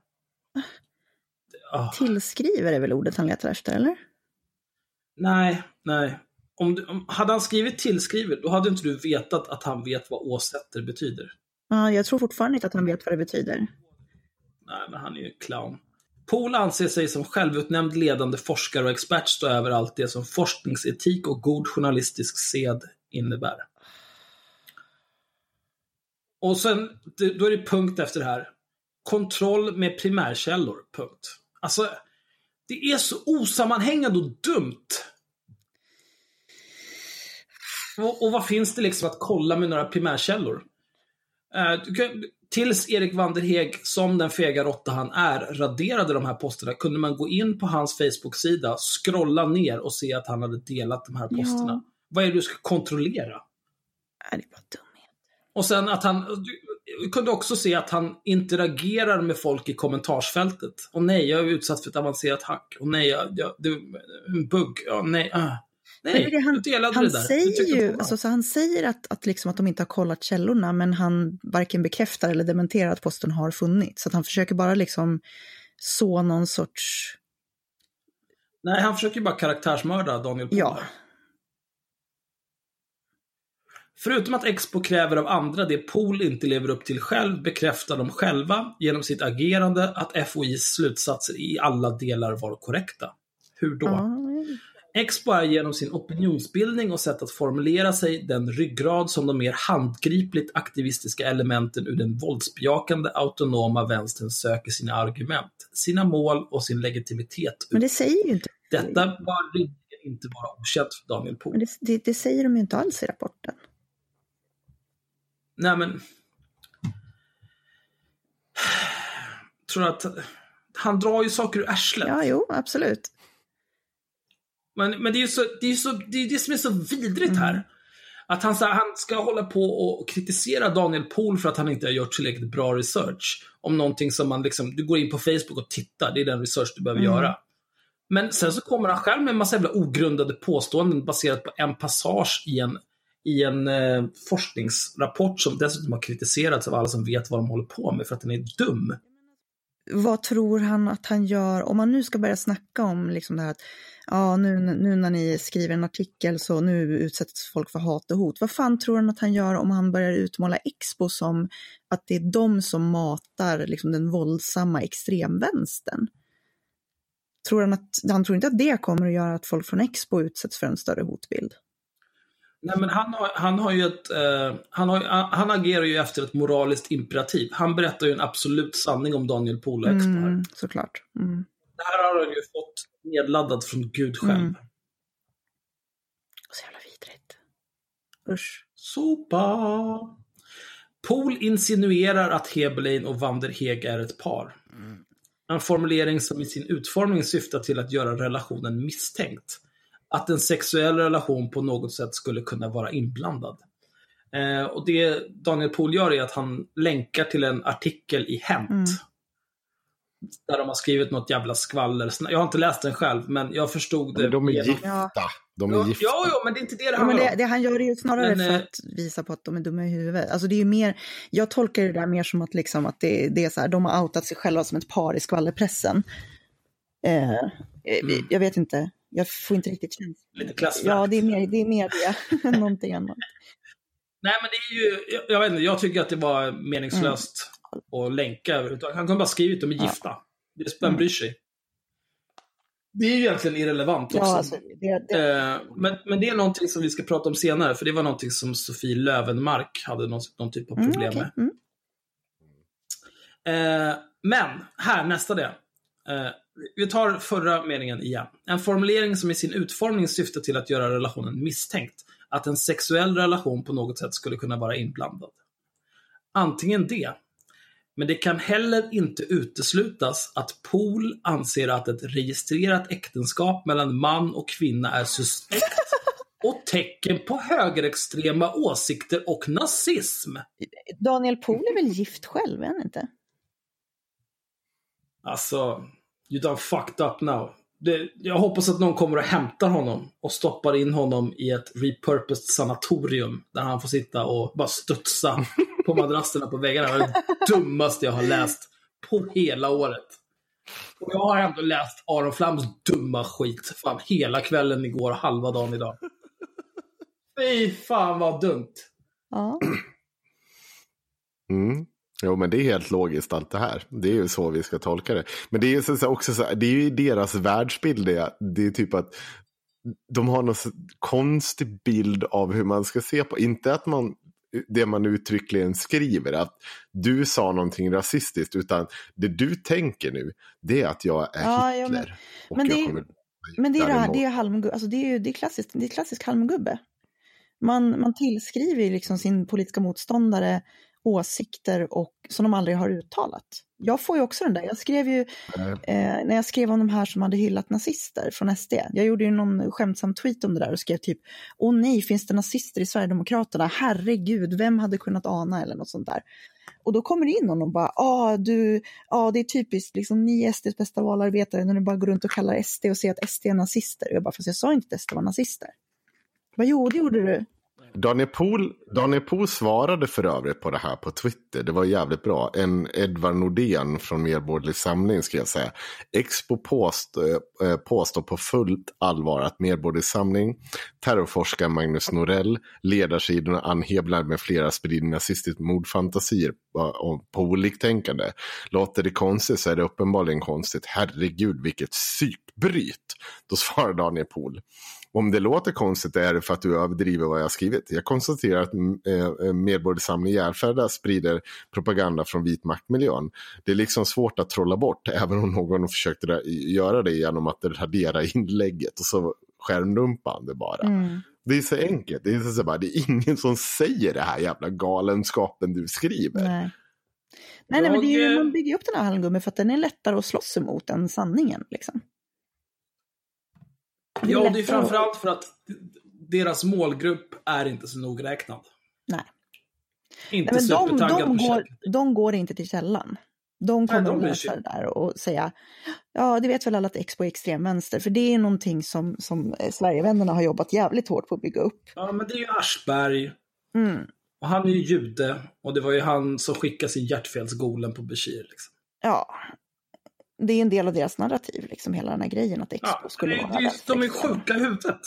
Alla som är antirasister är vänsterextrema. IRM är också vänsterextrema. Du är vänsterextrem, liksom. Jag är inte bara vänsterextrem, jag är med i en vänsterextrem gruppering. Som är IRM. Ah, ah, jag vet inte om det är IRM, det var ju väldigt oklart. Jo, men om någon av artiklarna så nämner de väl IRM, tror jag. Ja, de, ja, de säger att jag är medlem i IRM. Men I de säger också att jag är, IRM, Ja, det är, olika. Aron Flam var också inne på det. Mm. Att jag var, som, som företrädare för en antirasistisk rörelse så borde jag vara konsekvent. i- Du är så jävla dum Aron. Du är så jävla, jävla dum i huvudet. Man vill jag har verkligen försökt. Han har på med det så jävla länge. Så här, socialist, antisemit, bla bla bla. Inkonsekvent antirasism och så här. Jag har verkligen försökt och hoppats att det är liksom, det är någon slags konstprojekt. Du håller bara på att sepa dig nu. Du kör någon så här Joaquin Phoenix när han slutade vara känd och bara var skäggig och äcklig och skulle börja rappa. Och det, är liksom, det är sinnessjukt, men det kanske mynnar ut i någonting bra, någon konstig jävla autörfilm eller någonting sen. Men jag börjar undra, kan det vara så att det bara gått rotbrand i skallen på Aron fram att det blir skit kvar? Jag, jag, tänker, jag tänker försöka hålla en liten skärva av hopp kvar eftersom jag egentligen tyckte väldigt bra om Aron Flam. Ja, jag tänker inte... Jag tänker inte särbehandla jag, honom längre. jag, har också, jag också pratat med Aron fram och tyckt att han var jättetrevlig och sitta där. Men sen nu går det ju, det, det är som sagt, det är knark och bajs i hela jävla huvudet på människan just nu. Mm. Det var Axels ord jag använde just. Oj, Jag, jag tar inte är du ansvar rädd för för att bli någonting. stämd för förtal? Ja. Eh, Men i alla fall, eh, Aron, om du lyssnar på det här, skärp det. Du kan bättre. Jag tror inte han Det är kan det sista lilla hopp du Vi kan tror, vi tror få på dig. Aron. Ja, vi tror på dig egentligen, men vi har slutat tro på dig för att du kan inte bara bete dig som fucking jävla folk. Jag tror att du är ganska medveten om att Expo är jävla bra folk. Eh, av olika anledningar som jag inte tänker nämna i den här podden. Men eh, du kan ju börja bete dig. Och det, ja, det var inte någon slags judekonspiration alla ni nazister som lyssnade nu, utan det var av den ja, andra anledningar. Aron, sluta bete dig som ett jävla efterblivet Ja, jag vet inte. Jag tror att, jag tror att Aron har... Jävla tror att Aron- bakis från Men midsommar. jag tror att Aron har ganska mycket gemensamt politiskt med flera personer från Expo, av det jag vet av dem. Eh, så att det är lite dumt alltihopa bara. Jag, jag tror inte han har det. Jag tror, jag tror att han har brunnit i huvudet på honom så att han inte kan skilja på de två sakerna. I grund och botten kanske han hade det, men ja. Så jag... Att det ska vara någon typ av konstprojekt, det har jag gett upp hoppet om. Det enda som skulle kunna redeema honom nu, det är om allting bara är ett cash grab. Han har, han har liksom sett en målgrupp som har ändå rätt mycket deg. Han drar in jävligt mycket pengar på dekonstruktiv kritik.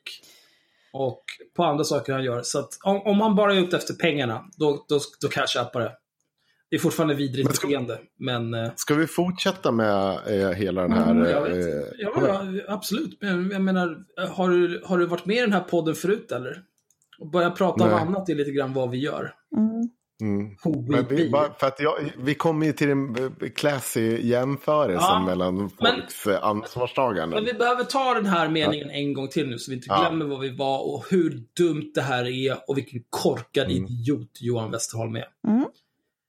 Men det kan heller inte uteslutas att Pool anser att ett registrerat äktenskap mellan man och kvinna är suspekt och tecken på högerextrema åsikter och nazism. Nej, det kan heller inte utesluta att det Pool menar med det där är att han tycker att alla på ledarsidorna förtjänar nackskott. Det är ungefär en lika rimlig tolkning. Alltså... Ja, jag säger inget. Tittarna och lyssnarna kan, de kan dra sina egna slutsatser om vad jag tycker. Yes. Pauls konspirationsteorier är lika tragiska som komiska. Sex är en naturlig komponent i ett äktenskap. What? Va? Nej men... nej, men det är, nu är det Pauls konspirationsteorier. Men vadå sex? Han han He flipped it. Han, han flippar det. Han flippar det. Han byggde en konspirationsteori. Mm. Men sen eftersom han inte vill ta ansvar för sin konspiration, då flippar han den. Han flippar den. Nu är det Pauls konspirationsteori. Men varför börjar han prata om Det sex? det är Det, här är ju det superkon- alltså. Varför börjar han prata om Ann Heberleins och Erik van der Hegs sexliv? Det här är jättekonstigt. Åh, tänk om det är så att Erik van der Heeg är någon typ av kuck. Och Johan Westerholm och Heberlein, han ligger med varandra medan Erik van der Heeg sitter i garderoben och typ smuttar på en Minto eller någonting annat perverst. Jesus Christ alltså. Vi har knäckt det! Det går inte att utesluta. Det går inte. Det går inte att utesluta. Nej, det går inte att utesluta. Det kan inte utesluta att det är så. Nej, Nej, det kan vara så. Jag, jag vet inte. Det, det verkar helt vansinnigt att det skulle vara så. jag säger inte heller. Ungefär som att eh, ett registrerat äktenskap mellan man och kvinna är suspekt och tecken på högerextrema åsikter och nazism. Det verkar helt absurt. Men att eh, Erik van der Heeg är en kuck, absolut. Det, det, Det går inte det ut- verkar också... Det går inte att utesluta att det är Johan Westerholm Nej, jag kan inte utesluta det. Baserat... Hörni, hörni, hörni, jag har en idé. Jag vill att ni påminner mig om det i slutet av det här programmet. Att jag har en idé. Jag har en idé hur vi utvecklar eh, haveristerna till 3.0. Jaha. Vad, vad, är, Ja, men vad, är, tre, vad är 2.0? Det är ju The Gritty Ja, Reboot nu, har vi kommit fram Jaha.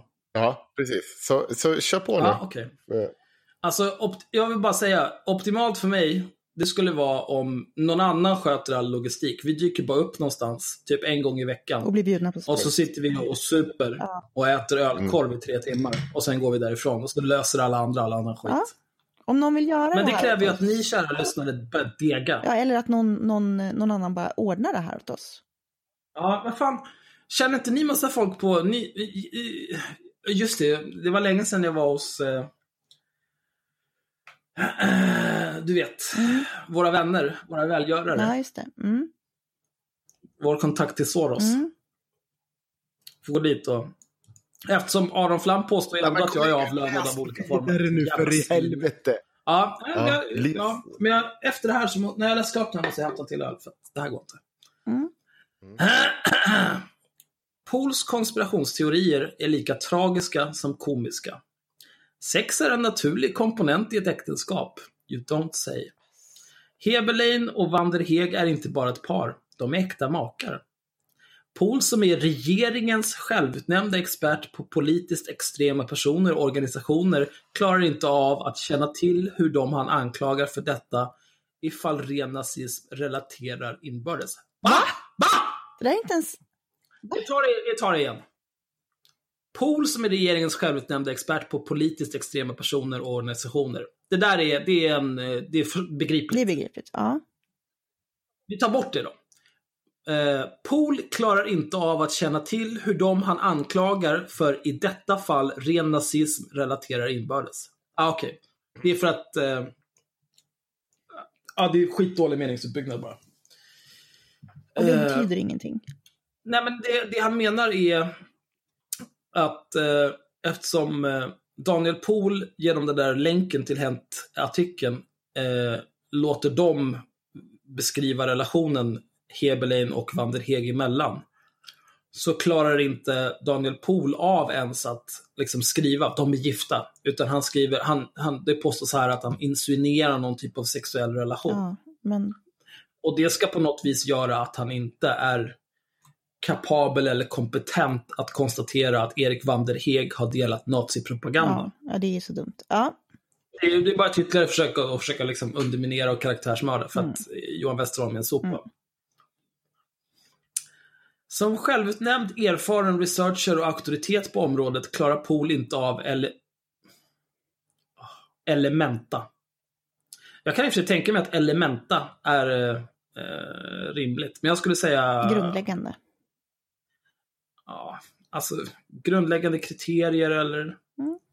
elementära kriterier. elementära är ju- krav. elementära är ju- Alltså, nej, men, nu, men nu är det elementa. Nu är det elementa. För att du vet, Johan Westerholm, han har läst en hel del böcker. Mm.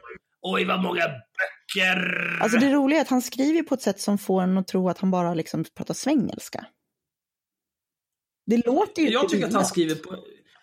Det här är precis samma sak som Erik Vanderheg. De skriver båda två på ett sätt som, alltså att de hade mikrokukade, impotenta jävla idioter som aldrig har lyckats med någonting i livet förutom att läsa böcker och nu ska de gnugga det i Men ansiktet alltså, på jag har läst skitmånga så böcker. Jag har läst skitmånga böcker. Och jag känner inte igen hälften av de här orden. Vad har de läst för konstiga Nej. böcker? De har väl läst fackböcker och typ, de har väl läst massa jävla humaniora som alla värdelösa människor har. Ja. Yes, let's go. Här, och, det, min, min kritik är likadan här som den är när vi läste Erik Vanderhegs text. Om du skriver en text, skriv den så att så många som möjligt kan ta till sig den. Ja, så att du, framförallt grund, grundtesen borde vara skriven så att du inte låter som ett jävla mongo. Och klara av att bygga ordentliga meningar för fan. Mm. Uh, som självutnämnd erfaren researcher och auktoritet på området klarar Pool inte av Elementa och sätter därmed nivån för hela Expos verksamhet. Nej. Och, alltså... Och sätter därmed nivån för hela Expos verksamhet. Punkt! Vars löpande verksamhet till stor del finansieras med skattemedel. Alltså, dra ihop den där skiten. Komma! Som till stor del finansieras med skattemedel. Vad håller du på med? Det här är skitdåligt. Men vänta, så nu, så, så vänta, men så att han, han, han, har, han har invändningar mot att Pool säger att ledarsidorna är, är tveksamma för att de har en skribent som delar nazistmemes. Det är, liksom, det, det är inte en rimlig kritik. Däremot så kan han säga att för att Pool inte, kan, inte har brytt sig om att ta reda på om de är gifta eller bara ligger med varann så är hela Expo dåligt. Ja, men då, då är han som självutnämnt erfaren researcher och auktoritet på området klarar Pool inte av Elementa. Det vill säga, han eh, påstås här inte ha klarat av att ta reda på att de är gifta. Mm. Men alltså jag tror att man inte sig. Och då är, då är allting, allting Expo någonsin har gjort, det Okej, skit. så enligt, enligt den logiken så är ledarsidorna nazister för att en av deras medarbetare, men då håller de ju med varandra. Det är ju alldeles Ja. lysande. Ja, det är perfekt. Expo är även en del av forskningen vid Segerstedtuniversitetet i Göteborgs, nej, Segerstedtinstitutet vid Göteborgs universitet som i allt väsentligt står under Ulf Bjärelds och Marie Demkers inflytande. Ulf Bjäreld är utöver ordförande för Socialdemokrater, för tro och solidaritet, även ansvarig för fördelningen av statliga forskningsanslag inom samhällsvetenskap och humaniora. Forskningsanslag som under Bjärelds tid i allra högsta grad styrts mot Expos intresseområden. Ulf Bjäreld, aha, det är en konspiration. Ulf Bjäreld är en av de personer som riskerar att förlora sitt uppdrag på Vetenskapsrådet i ett regeringsskifte. Utan bra kontakter på forskningsrådet kommer även den indirekta formen av finansiering sina. Ah, så han gillar bara inte nazister för att han kanske blir av med jobbet. Om Ja, det är degen. Det är degen. Ja, såklart. Man kan inte vara emot nazister annars. Nej, det, omöjligt. nej, det går inte. Expo och dess motsvarande organisationer i civilsamhället som Folkbildningsrådet, Concord, Forum Syd, Eokneto, Svenska kyrkan och många andra som är beroende av statsbidrag för sin överlevnad ser sannolikt inte utan rätt nu hur dess historia går mot sitt slut. En regering som står under inflytande av Sverigedemokraterna kommer sannolikt inte nöja sig med att minska statsbidragen till delar av civilsamhället. Nej, de vill ju uppenbarligen hänga dem i, i lyktstolpar. Ja, det är ju... Ja, Erik Vanderheg kommer ju inte nöja sig med att minska statsbidragen i alla fall. Nej. Det är ett rimligt antagande att Expo är en av de organisationer som helt enkelt kommer dö svältdöden. Att nästa mandatperiod kommer innebära att en regering finner mekanismer som innebär att Pool och hans kollegor helt stängs ute från skattemedel är inte ett orimligt scenario. Jo. Ja, det är fortsatt karaktärsmord. Och eh, ja, men det skulle kunna vara så här att allting är en konspiration för att tjäna pengar. Ja. Som sagt, man Polo kan ju Expo- inte ogilla en högerextrema utan att det har med en steg att göra. Nej, det går inte. För det är inte som att Polo- jag menar, många på Expo jobbar ideellt eller så. Nej, men det är väl samma sak som IRM. Ni är väl alla avlönade av LO, eller hur? Ja, jo, absolut. Är, ja, jag är ju också det, har jag fått höra. Ja, jag älskar ju nazister egentligen. Det är bara att jag måste ju hålla dem borta från regeringen för annars så, så tappar jag ju Ja. min lön. Kan ni gissa för övrigt vem som senast påstod att jag eh, förtjänar mitt uppehälle på bidrag från, från staten genom att vara någon typ av eh, antirasist? Var det Dan Park? Aron fucking Flam! Din jävla tiggare alltså, fy fan! Ja. Mm. Ja, Åh, Var du gud. på Åh, golvet hemma nu? Axel? Nej, jag spottar i- på mitt bord här. Men jag luftspottar. Vet du, jag kan det här med att Fan spotta. vad konstigt. Jag är uppvuxen på 80-talet. Vet du hur mycket vi luftspottade på varandra? Det var bara för att markera att kom du, jag är här. okej. Ja. Det var, eh, ja, det var så vi gjorde i Mariaskolan i alla fall. Det är ingen snack. Mm. Inte när jävla ton, men jag blir rasande.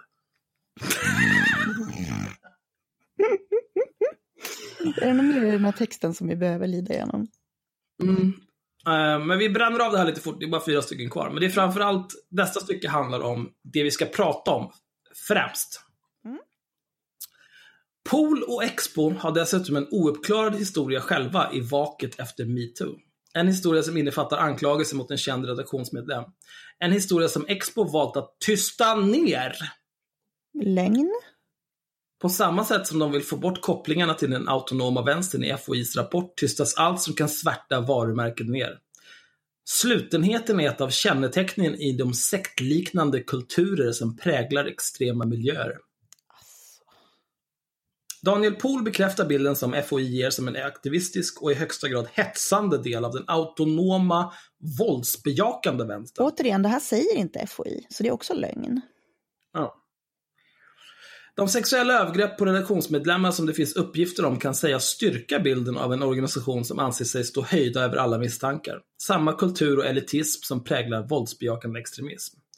Jag är nyfiken här, har Johan Westerholm vänt sig till primärkällorna och verifierat elementa gällande de här sexuella övergreppen? Din lilla jävla kuk. Mm, ja, det har jag svårt att tänka mig. Denna organisation slåss idag för sitt liv. Ju närmare valdagen desto mer sannolikt blir att Expo kommer dö svältdöd. Du har skrivit det här. Mm. Expo och andra organisationer som levt gott på skattemedel under lång tid och kunnat odla myten om sin egen okränkbarhet. De dagarna ser ut att vara över nu om det blir ett... Men mer om det här jävla tjatet om Sverigedemokraterna. Försvarets forskningsinstitut hade i allt väsentligt... Åh gud, han bara upprepar sig nu. Mm. Det, det här är ju bara för att hamra, häng, hamra hem liksom, hans talking points. Han, bara, men han, bara riktar, det han bara riktar ju svansen. Det är precis vad Ja. Han avslutar med autonom våldshetsande vänster. Än så länge statligt finansierad finkostym. FOI hade rätt när de inte gav vika för trycket från Expo. Vilket jävla svin han är alltså. Och han kommenterar inte med ett ord att hans eh, medarbetare har delat nazistpropaganda. Nej. Så det är ju ett jättedåligt bemötande av... Men då gör vi testet. Då gör vi testet. Mm. Är Johan Westerholm svensk? Ja. Eh, ett. Ponera att det finns en krismanual kring hur man ska hantera att en av ens medarbetare medvetet delar nazistpropaganda. Har Johan Westerholm i så fall följt den krismanualen tror ni?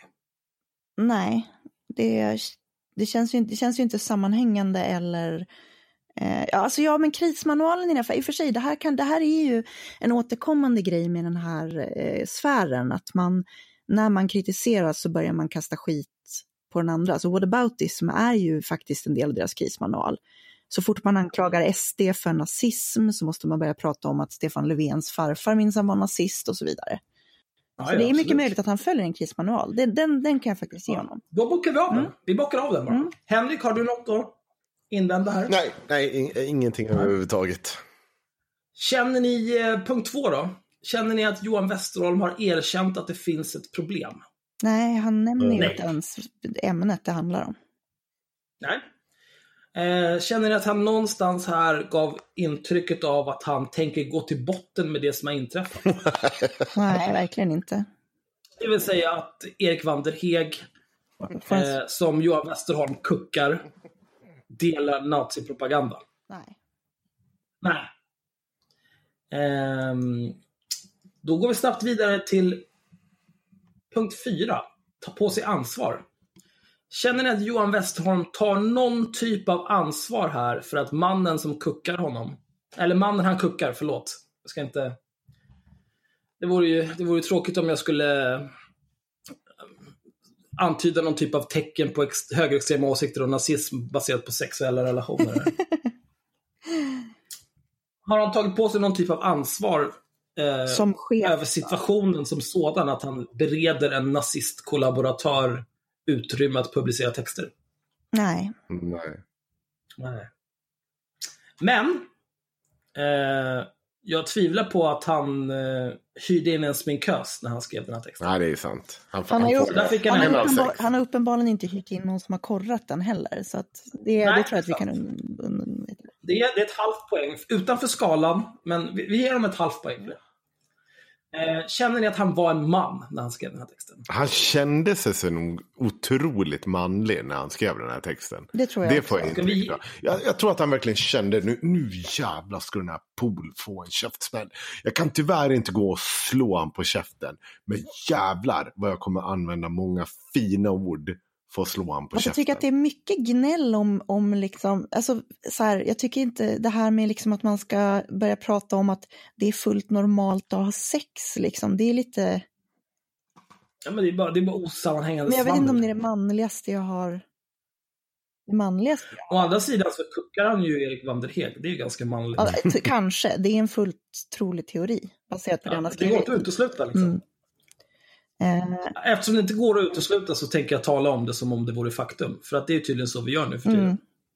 Men jag, jag vet inte, jag tycker inte det känns som manligt. Jag tycker att det, det här med liksom att börja prata om, aha, nu får man inte heller, nu får man inte vara gift ha sex i det här jävla landet. Det är lite så här kärringbeteende skulle jag vilja påstå. Ja, Jag, tycker, jag, Men jag vet inte, jag känner mig inte så en här. halv poäng för, för att vara man? Eller? Nej, ingen poäng. Ah, ja, men han kan få en halv poäng för att han, för som Henrik säger, han kände sig nog jävligt macho liksom. Ja, men det är alltså, det där är viktigt. Mm. Eh, tolkningsföreträde är en, en mycket viktigt. Mm. Om han kände sig som en man, då är han en man. Ja, jag vill inte felköna eller så. Det vill jag inte. Nej, jag tänker inte ge mig in i den där. Nej. Den där heta potatisen tänker jag inte ha i röven. Så han kan få en halv poäng. Han får en halv poäng. Okej, men då har han följt krismanualen. Eh, han hade inte med sig en sminkös. Mm. Och han har varit en man. Så det är äh, typ en man. Han, han han upplever sig som en man. krismanualen? Jo, men det var ju den Sverigevänliga- krismanual som de Den har. Sverigevänliga krismanualen är ju att börja prata om att Stefan Löfvens farfar faktiskt var nazist och sånt där. Aha. Det är deras Okej, krismanual. ja. Så att jag, jag, Ja, ja, det är jag skulle nog sant. hävda att han har följt den. Mm. Så då, men då har eh, Johan Westerholm tjänat ihop eh, två poäng. Mm. Av sex möjliga på svenskhetsskalan. Mm. Var hamnar man då? Två av sex, det är en tredjedel. Eh, jag skulle säga att jag tänkte... Kurd. Ja, men jag, jag tänkte Kurd. jag skulle Han säga, är kurd. jag skulle säga att han är... ehm, på svenskhetsskalan så är han nog en sån där... Eh, eh, någon som är, gillar att klä sig i batik och gå på afrikanska trumkurser. Eh, Ungefär på den nivån är han då, skulle jag säga. Och kanske också drömmer om att flytta utomlands. Jag säger, Var, var tror du att han skulle flytta om han flyttade någonstans? Ja, men jag tänker så här, han pratar väldigt mycket om att usch, det, det är så, vi, är så, vi är så kalla som... Vi, vi är så, det är en så kall kultur i Sverige. Oh, ja. Ja. Visste det? Ja, Italien. 100 procent. Han, är, han är en sån. Han vill Ja, sitta, han vill köpa eller villa någonstans. spans, nej, eller så spanskt eh, pensionärsställe. Mm. Nej, men det är han för fin för. Det är han alldeles för fin för. Jag kan tänka mig att han kan italienska. Eller håller på att lära sig det.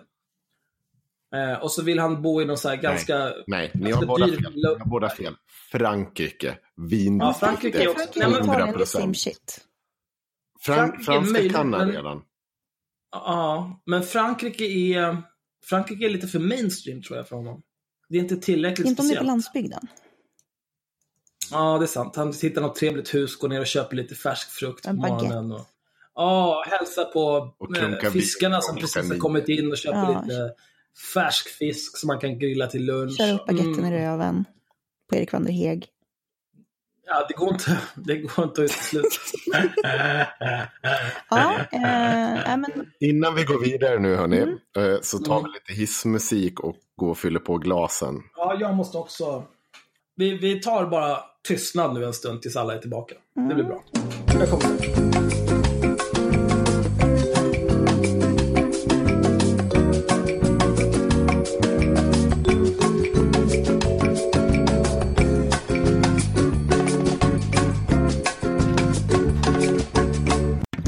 Jag är här. välkommen tillbaka. Tack, det känns bra att vara här.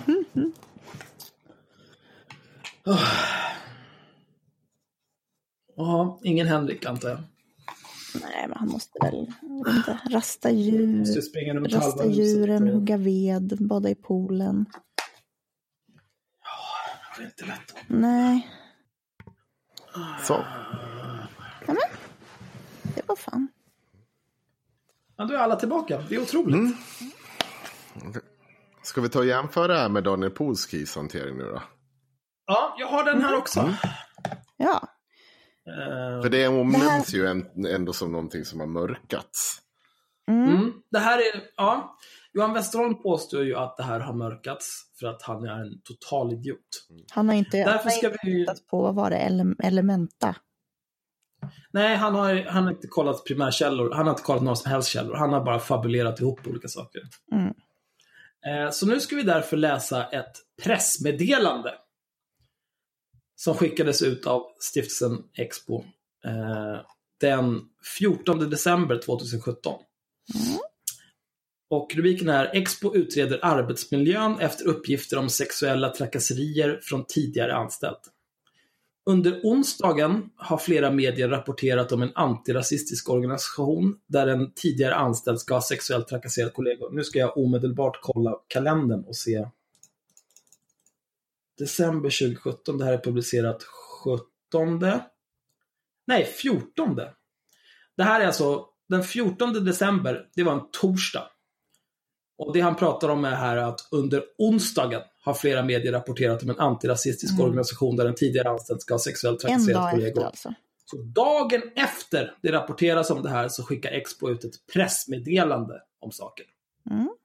De är skitdåliga på mörka. Ja, det är den sämsta mörkning jag varit med om. Mm. Många har hört av sig till Expo och vi upplever ett stort behov av att klargöra vad som hänt och hur vi agerat.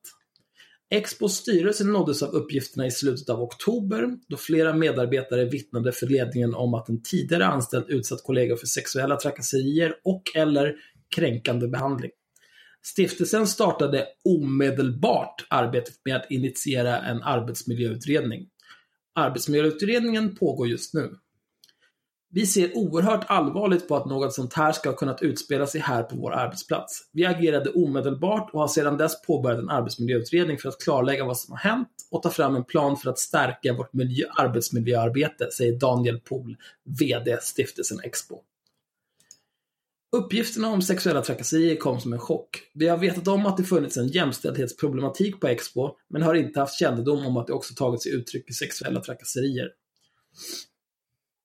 Jag har också fört samtal med den tidigare anställde gällande kränkande behandling, men uppenbarligen har det inte varit tillräckligt. Med den nya informationen står det klart att ledning och styrelse borde ha uppfattat risksignalerna och agerat på detta mycket tidigare. Det står också klart att det har funnits en brist i tillit för ledningen från personalens sida eftersom de tidigare inte vågat berätta. Detta är naturligtvis mycket allvarligt, säger Daniel Pohl. Mm. Den arbetsmiljöutredning som nu startats genomförs av en oberoende konsult. Detta innebär att vår arbetsmiljö genomlyses av experter och att utredningen presenterar dels en bild av vad som hänt och dels ger förslag på åtgärder för att situationen inte ska kunna uppstå igen. Vi ser att vi be både behöver stärka våra rutiner i arbetsmiljöarbetet och jobba med gruppen som såklart behöver stöd i att bearbeta allt som hänt. De som drabbas erbjuds också särskilt stöd. Jättebra mörkning. Mm. Mm. Jag har ingen aning om Då- någonting. Nej, men då tar vi och tittar på Erik Vanderhegs eh, lista över svensk. Mm. Då ser vi hur svensk Daniel Pohl är. Följa alla krismanualer som finns. Ja, uppenbarligen. De har ju Ja. till och med tagit in han- konsulter som ska hjälpa till och sådär. Så det skulle jag nog säga att han... Ja. Erkänner att det finns ett problem. Absolut. Lovat att gå till botten med det inträffade. Ja. Ja, de har ju en arbetsmiljöutredning på gång här. Mm.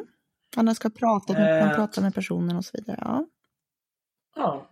Ta på sig ansvar. Ja. Med den nya informationen står det klart att ledning och styrelse borde ha uppfattat risksignalen och agerat på detta mycket tidigare. Mm.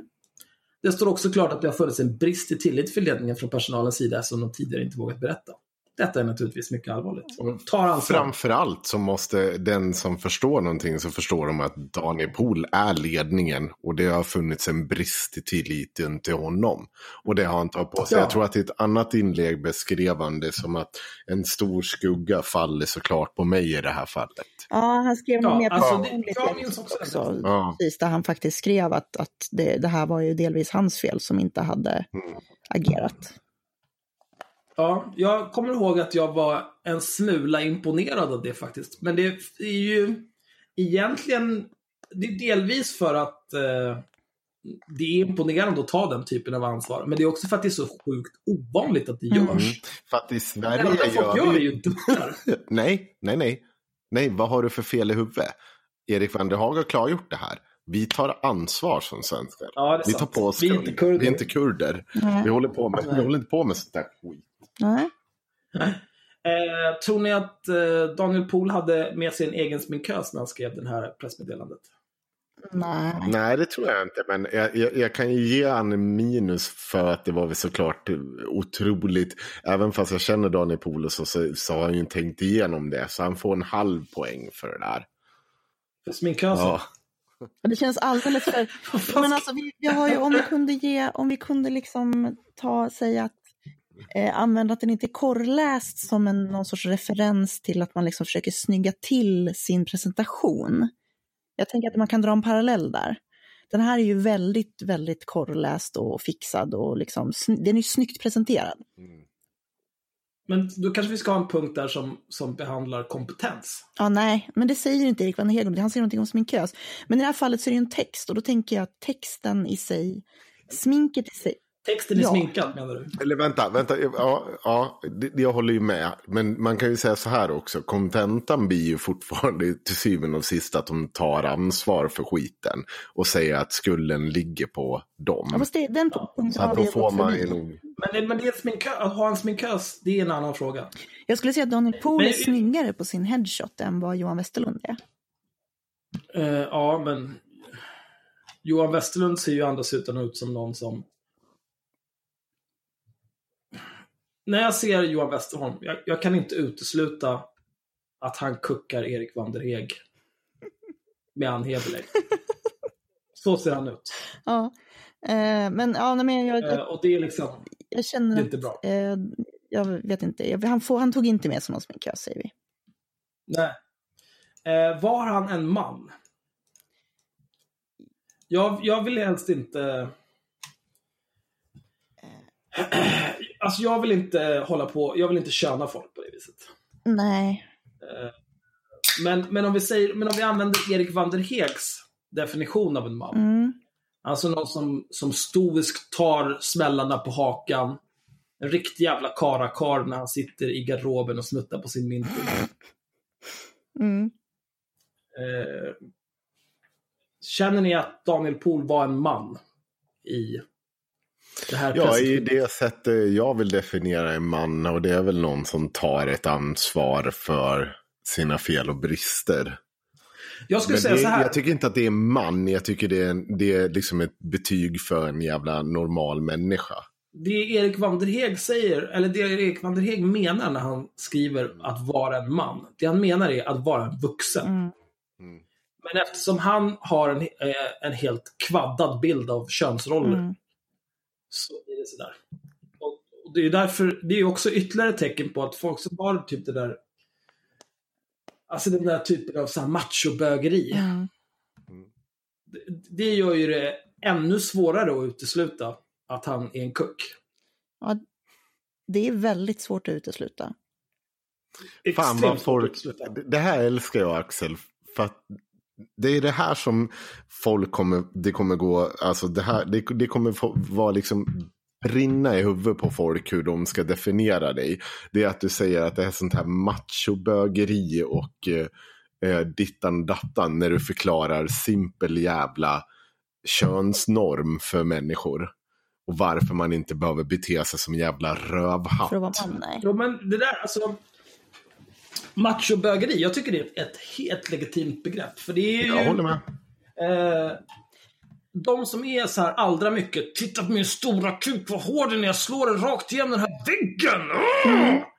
De som är den typen av människor, det är uppenbart att de kompenserar för Men jag skulle säga att någonting. det är legitimt att kalla det bögeri därför att det finns en sorts så här dyrkan av det übermanliga i det. Det är det som gör till ett, Ja. ett legitimt bögeri, alltså att det finns en, ty, en typ, av, ett typ av romantiserande av mannen på något vis, som är ganska homoerotiskt. Ja, du tänker den typen av Ja. bögeri. Jag tänker mer så här att de är så otroligt rädda för eh, Alltså sådana här människor som liksom, om de ser att någon annan kille kollar på dem i duschen så vill de slåss. För att då tänker de så här, nu blir jag bög för att han Jag kollade tänker på att jag inte vill använda bögeri som pejorativt. Men jag tycker att det funkar i det här fallet därför att det, det finns en typ av, alltså den här, den här storögda beundran av det manliga machoidealet är så extremt bögigt. Det finns ju ingenting som är så bögigt som liksom eh, snubbar inom militären som pratar om andra snubbar som har gjort liksom burit jättetungt och sånt där. Ja, jo men det är ju någon typ av... Det är ju homoerotiskt. Men jag Ja. menade inte bögeri pejorativt på så vis, utan jag menade mer att liksom... Eh, om, om du tror att du blir bög av att en annan kille kollar på dig i duschen, då kanske du behöver gå ut och suga 15-20 kukar och kanske upptäcka att det där är någonting du gillar. Liksom. Alltså, sånt där är ju sånt jävla trams. Jag kan gå ut och suga 40 kukar nu, jag kommer inte bli bög för det. Nej. Men jag har inte den typen av tid, för klockan är 10 över 12 på natten och jag ska upp och jobba snart. Men liksom, jag kan göra det nästa helg. Henrik har erbjudit sig att göra allt kuksugande åt oss. Ja, det är perfekt. Om, jag, om vi får åt- 300 lax, ja, så att vi kan åka till Bahamas, då har jag sagt att jag kan suga mycket kuk. Jag tycker att det är fullt rimligt. Jag, jag kan hjälpa till. Jag kan vara fluffer eller något sånt där. Om du sköter sugandet. Jag kan gå runt och kupa pungar. Eh, För övrigt, jag tänkte prata om en sak nu när jag ändå pratar om pengar. Jag har lagt till mål på eh, Patreon. Pratade inte du om det här förra gången? Jag Ja, jag, vet, kanske, jag tänker prata om det igen. Det, är- det, här, är, det här är vår tid. Mm. Och, eh, eh, vi har 10 patrons kvar tills Vår vi ska ha en livestream. Åh, 50 patrons totalt. åh. Eh, när vi har 100 patrons då ska vi ha fylleslag på en av Södermalms alla fullkrogar. Men jag tänker att vi kanske kan ändra det till eh, att man eh, hyr någon typ av lokal. Mm. Och sen så kör vi en panel bara. En hel kväll där vi bara sitter och blir fullare och fullare och så får folk ge oss ämnen att prata om. Ja, det, Det tror jag, gud Kan vi- det tror jag är kul. roligare. det, det låter jätteroligt. Ja. Ja, Mm. helt fantastiskt. Men vi kommer Ja, aldrig behöva göra det för det krävs 60 Det var ju- till ju- Ja, jo, nej. Ja, fast den var ju uppnåbar. Det var ju inte det där som att vi skulle tjäna 300 lax och ingen började skänka pengar Men, till vi oss. fick ju inte ens igenom Kickstarten för att de är, De är rasister. Nej, det var ju värt. de är rasistiga. Men ja, nu, nu, nu är det på väg. Nu känner jag att vi är på väg att avrunda det här det är vi avsnittet. Och jag tror inte att det kommer behöva Nej, jättemycket. men han ska inte dra han det? fram nu. Eller? Ja, ja. Vi har Åh, bara gud. börjat. Det är två Ah, okej. Det är inte två timmar. timmar. Jo, Det är inte två timmar. timmar. 1.49. Vi är inte Ja. klara. Nej, Den här berätta om Aron. Ja. Jag tar det inte. Eh, Sofie Lövenmark, som är fristående kolumnist på Expressen Ledare. Eh, hon skrev så här den 23. Eh, Jag vill medan du letar fram det här så vill jag också säga att det var Kristoffer Lövenmark som i något tillfälle hävdade att hon hade utsatts för, jag kommer inte ihåg vad det var hon hade skrivit om, jag måste leta fram den här tweeten och ta reda på vad det var. Men hon påstod att eh, hon utsattes för så mycket hat och hot från, från vänstern vid något tillfälle på Twitter. Och så var folk där och, och strök henne medårs. Och så frågade jag var det kom ifrån och vad, liksom, vad det var för några från vänstern och liksom hur hon visste att de var vänster och vad det var för typer och sådär. Men då, då ville hon ju inte, hon ville inte gå in på det för det var, ju så jobbigt allting. Eh, så att jag misstror henne. Alltså, oj. Jag, jag, jag är kluven till henne. Jag, jag tycker delvis... Eh, jag är kluven. Jag, jag nöjer mig med att säga det. Mm. Eh, men eh, däremot kan jag tycka att här, om du skriver en post om så här, åh nej, mitt liv är så jävla jobbigt på grund av allt hat och hot från de här människorna. Då är det ju, varför hänger du inte bara ut de här människorna? Ja, det var ju det jag gjorde. Eller skrev så här, ja, jag har de här, nu har jag gjort eh, så här många polisanmälningar mot, riktat mot de här personerna som har skrivit det här om mig. Don't fuck with me, för att jag trycker polisen rakt upp i röven på er. Eller Hells Angels, jag vet inte. Jag hade ju någon på Facebook bara typ här i veckan. Som, för jag blev ju eh, uthängd något antal... eh, Alltså jag vill inte använda ordet, det finns inget bättre ord än uthängd. Jag ska inte säga uthängd, jag blev, jag blev liksom skärmdumpad och, och, och anklagad för att jag tänkte typ jag vet inte, kasta sten på Jimmy Åkesson på Järva eller någonting. Så jag fick ju en massa... du skulle bråka. Ja, jag fick en massa diskussion om i olika Sverige-vänsgrupper och då var det ju någon bland, där bland annat som hade sagt att vi kanske ska åka hem till henne och busa lite eller något. Så då gjorde jag en post och, la dit skärmdumpen och frågade honom om det, jag skulle räk- räkna det som ett hot. Eh, eller vad det var meningen att jag skulle tycka om det och, sen tog han bort sitt Facebook-konto. Så så kan man också Mm. jobba liksom. Ja, ja det, är, det är ju mer... Det leder ju till någonting i alla fall. Ja. Sekunden han är tillbaka på Facebook, då tänker jag börja fråga honom igen. Ja, Jag måste klart. ju få klarhet i det här. Men, ja, ja. Så här skrev, eh, bara för, f- eh, det här var postat ungefär halv sex på kvällen den 23. Alltså i, vad fan blir det? Lördags. För nu är klockan över 12. Eh, får man lov att vara lite både och vad det gäller Expos senaste inlägg? Eller är det svart eller vitt som gäller i vanlig ordning? Jag hade inte hört talas om skämtet, citationstecken, med finspång och lyktstolpar innan. Det är givetvis inte roligt alls utan enbart vidrigt. För mig är således Vanderhegs inlägg med lyktstolpen enbart vidrigt och förkastligt. Däremot förstår jag inte varför personer som inte har med saken att göra dras in. Med den logiken är skribenten själv medskyldig till vad hans tidigare kollega som försvann under metoo gjort. Och varför länka till Hänt i något som ska vara ett seriöst gräv? Att paret är gifta är inte särskilt svårt att kolla upp. Osaklighet tar bort värdet av något som är viktigt att skriva om. Mm, där har du en poäng. Det är ganska onödigt. Ja, det kan jag hålla med om. Eh, men jag svarade på det här med eh, för mig således Vanderhegs inlägg bla bla bla bla bla. Med den logiken är skribenten själv medskyldig till vad hans tidigare kollega som försvann under metoo gjort. Och då svarar jag, lite väl förenklat resonemang är det inte. När Bengtsson försvann från rampljuset skrev Pohl en text om hur han hade brustit i sitt ledarskap då den där smutsen hade kunnat fortgå mitt under näsan på honom utan att någon känt att de kunde berätta om det. Eh, ah, fan. Övriga som nämns gör det för att de har en koppling till ledarsidorna vars grundare Johan Westerholm tycker att nazimemes eh, om masshängningar av förrädare är lika roliga som Erik Vanderheg är. Och det här var då innan jag gjorde den allra mest välvilliga tolkningen av hans like och Mm. jag tänker inte åka dit. Mm. Då nämns också Aron Flam och Ann Heblein för att de också har en koppling till ledarsidorna. Hebleins reaktion var att de som inte gillar nazimemes saknar humor, medan Vanderheg bara tog bort dem utan vidare kommentar. Det är ju reaktionen som är det intressanta att titta på om du ska göra den jämförelsen. Jag anser att Pohl, för att para- parafrasera Vanderheg, erkände att det fanns ett problem och tog på sig ansvar. Inte direkt som att han påstod att Bengtssons kritiker saknade humor. Nej. Och det här devolverade till en eh, evighetslång jävla tråd.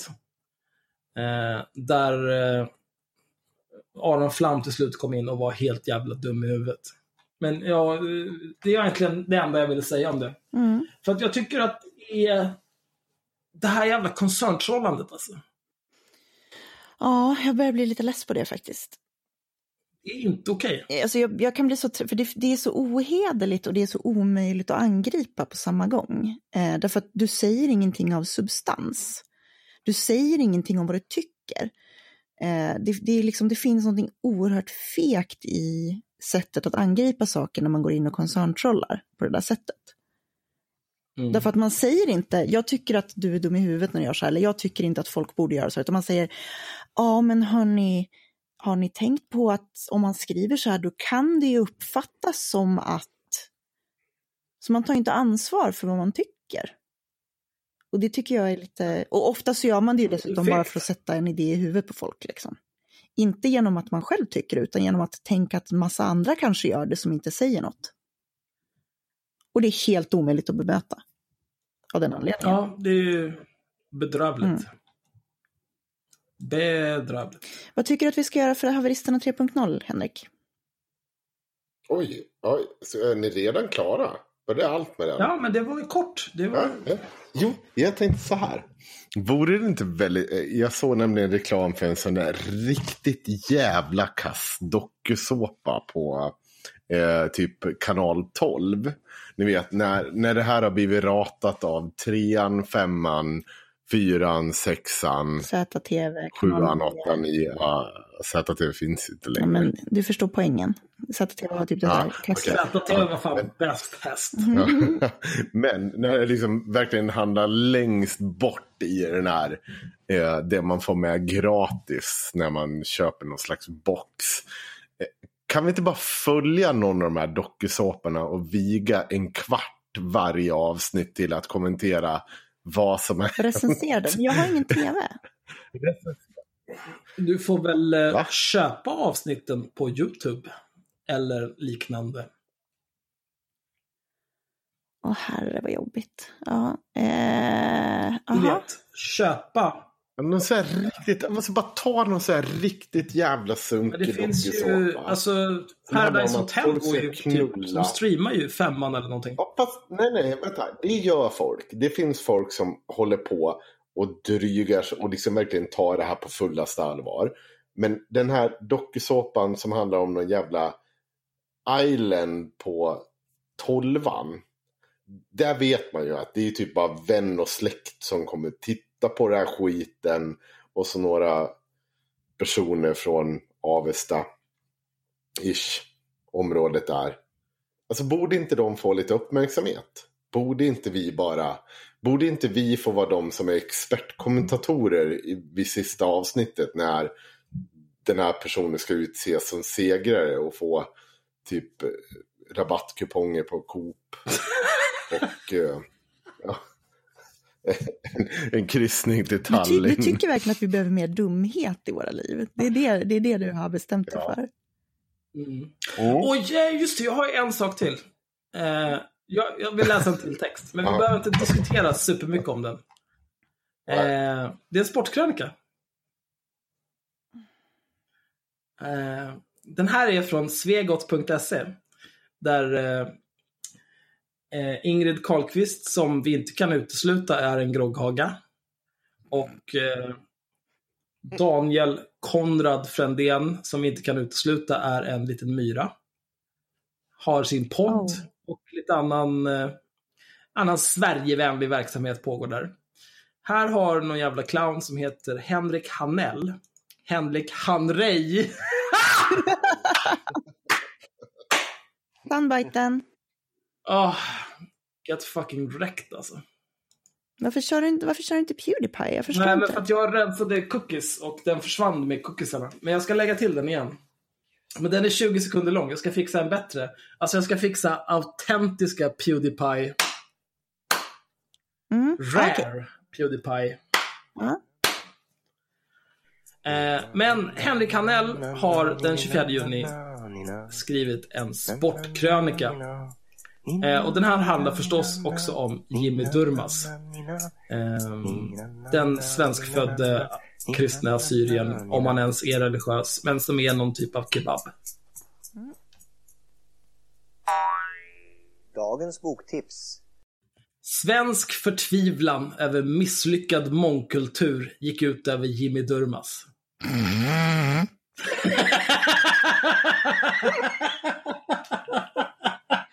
Ja, det är mångkulturens fel att de fick Jag frispark. hör alltså. Jag har skummat den här alltså. Shit, vilket... Ah. Ja, Den homogena startelvan var på väg att slutföra en oerhört imponerande insats i en på förhand förlorad match som, om den mot all förväntan skulle sluta med minst en poäng till Sverige, kunde ha blivit otroligt viktig för avancemang. Det mycket mångfaldsberikade tyska landslaget, världsmästare 2014 till råga på allt, lyckades inte göra ett segermål trots totalt blitzkrig och en total dominans i bollinnehav som liknade procentfördelningen sprit kontra läsk i den där sista allt för starka midsommargroggen man verkligen inte borde dricka. Det här är, om man jämför det här med Erik Vanderheg och Johan Westerholm, den här mannen kan skriva. Han talar till, till folket. Han talar folkets språk. Mm. Sedan kom en spelare med icke-europeisk bakgrund, svart skägg och blå tröja in på plan. Alla i Sveriges landslag hade väl blå tröja? Mm. Och blå tröja in på planen och förstörde allt för, förstörde allt för Sverige.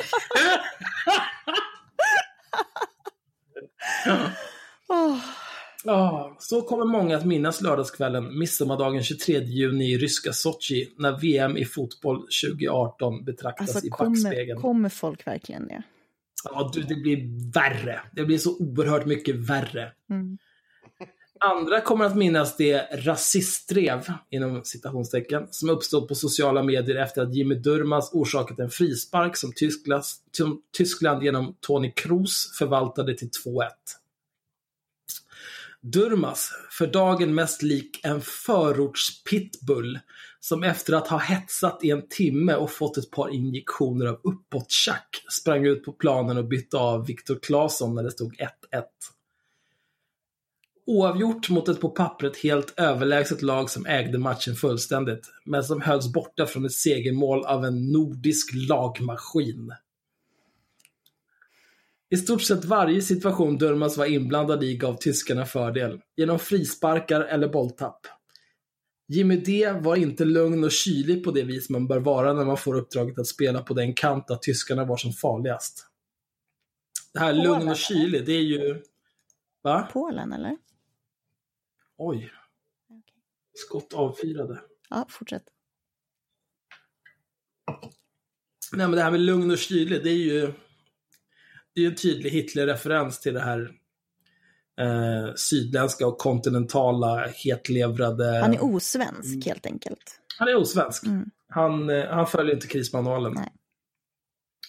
Hans konsekvensanalys var stundtals jämförbar med en gymnasiestudent på den grekiska ön Kos bargata år 2022. Han gillar så här super, 20. superreferenser. Så att man, man vet ju vad han har gjort hela sitt liv.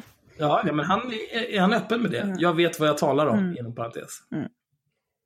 Eh, Han har druckit men det här är ju också så här, han, han sitter där i, i sin länsfåtölj, mular chips och bärs och har en hel del tips till landslagsspelarna. Mm. Ja, nej, så där skulle du inte ha gjort. Det Där, där, där såg jag direkt. Vet du. Där, då kommer tyskarna gå ju bara rakt igenom. De, de kör ju mycket på de där fasta situationerna. Vet du. Där, jag kan en hel del. Jag har spelat en hel del Fifa. Jävla tönt. Mm. Så kom 94 minuten. Fortfarande 1-1 och en bragdinsats av svenska landslaget var så gott som klar. Det här är också så jävla perverst. Bara, Okej, ni spelar jämt. Vilken bragdinsats. Med en spelare mer. Ja, alltså... Ska, ska ni ha en participation award också eller? Mm. Fy fan. Antingen så vinner ni eller så behöver ni inte komma hem igen. Vad är det för jävla snack? Mm. Bollen var i tysk ägo på den svenska högerkanten strax utanför straffområdet. Sebastian Larsson skrek. Jimmy Durmaz smällde på. Sebastian Larsson skrek igen. Denna gång i frustration över att Durmaz satsat som en tok i en situation där det var helt onödigt. Frisparken var ett faktum. Det efterföljande fenomenala skottet var det också. 2-1 till Tyskland med sekunder kvar av matchen och Jimmy Durmaz stod där och då och Jimmy Durmaz blev där och då en utlösande faktor för många svenskars ilska och besvikelse över det mångkulturella experimentet i samhället. Herregud. Twitter exploderade, Facebook imploderade, Instagram kokade. Jimmy Durmaz var under några timmar igår en av de mest hatade personerna i Sverige. För att han gjorde ett gigantiskt misstag. för att han kan sägas ha orsakat en förlust i en viktig match. Inte bara det. Jimmy Durmaz blev igår en symbol för den katastrofala mångkultur som sliter sönder vårt land. Herregud. Alltså det, det är roligt att han också konstaterar att vi, att vi förlorade. Varför har du skaffat en gris? Är det där Dora? Där är Dora. Vad, vad är det för ras på Dora? Dora är en fransk bulldog. Ja, för fan. De kan ju inte andas. Det är därför hon låter sådär. Det är för att hon har blivit sönderavlad i generationer och hennes gener är helt fucked. Hon är väldigt söt. Men fortsätt gärna. Jo men alltså det är roligt att han konstaterar att vi förlorar mot ett mer mångkulturellt lag. Men samtidigt så är folk besvikna över mångkulturen i Sverige när vi förlorar. Det är inte riktigt logiskt. Vi, vi borde ju ha fler, vi borde ju ha mer mångkultur om vi borde vinna fotboll. Enligt hans analys. Ja, men det är för att de förstår ju ingenting om hur någonting fungerar. Det är ju liksom... Eh, anledningen till att Sverige eh, är, är ganska bra på många sporter, det är för att vi har ett väldigt rikt föreningsliv som är väldigt hårt offentligt finansierat. Det är samma sak som eh, eh, om man tittar på liksom alla svenska band som har varit pissstora. ABBA, eh, Roxette, Ace of Base och så vidare. Det handlar ju också om, det är ju liksom eh, att, att vi satsar extremt mycket pengar på eh, dels musikundervisning i skolan. Och aktiviteter för ungdomar liksom, för att man ska hålla dem och från, olika orkestrar. man Och, ska hålla dem från hålla dem borta från knark och nazism och dumheter. Mm. Och det är därför som vi kan prestera på den nivå vi gör trots att vi bara har 10 miljoner invånare om man jämför med länder som Ja, ja. Argentina, och Italien, Spanien som har många, många gånger fler invånare. Och som är ännu mer sportbollsfanatiska. Tänk om alla nassarna hade kunnat spela fotboll istället för att vara nassar. Vad vacker världen Ja, hade det hade varit Då jättebra. kanske vi hade vunnit. De, Jag skulle kunna säga att det är det, deras det fel. kanske är sant det där. De behöver en lokal. De behöver lokal. Nej, men jag tänker att det är deras fel att vi, inte, att vi förlorade matchen mot Tyskland. För att de har varit nassar och suttit och skrivit på olika nassebloggar istället för att faktiskt lära sig spela fotboll. De skulle spela fotboll. Mm, vi kan lägga med en bild för att exemplifiera det här från den här Nasse-demon uppe i Ja, Luleå. de, de har inte han- spelat mycket fotboll i sina dagar kan jag säga. Nej, de har ju inte spelat mycket fotboll. Och Är framförallt... det han eh, Vito Hetero? Som Ja, var Vito heter. Ja, vet ni att han är 41 år gammal? Han såg mycket yngre ut. Ja, Det, tro fan det. det. Han är ju någon slags Benjamin Button som är på väg att bara återgå. Sugas upp i sin morsas fitta igen. Ja, det är hundra att det, procent. det är ganska Eller, bra odds på att han förmodligen vill krypa upp i sin mammas fitta och försvinna i och för sig.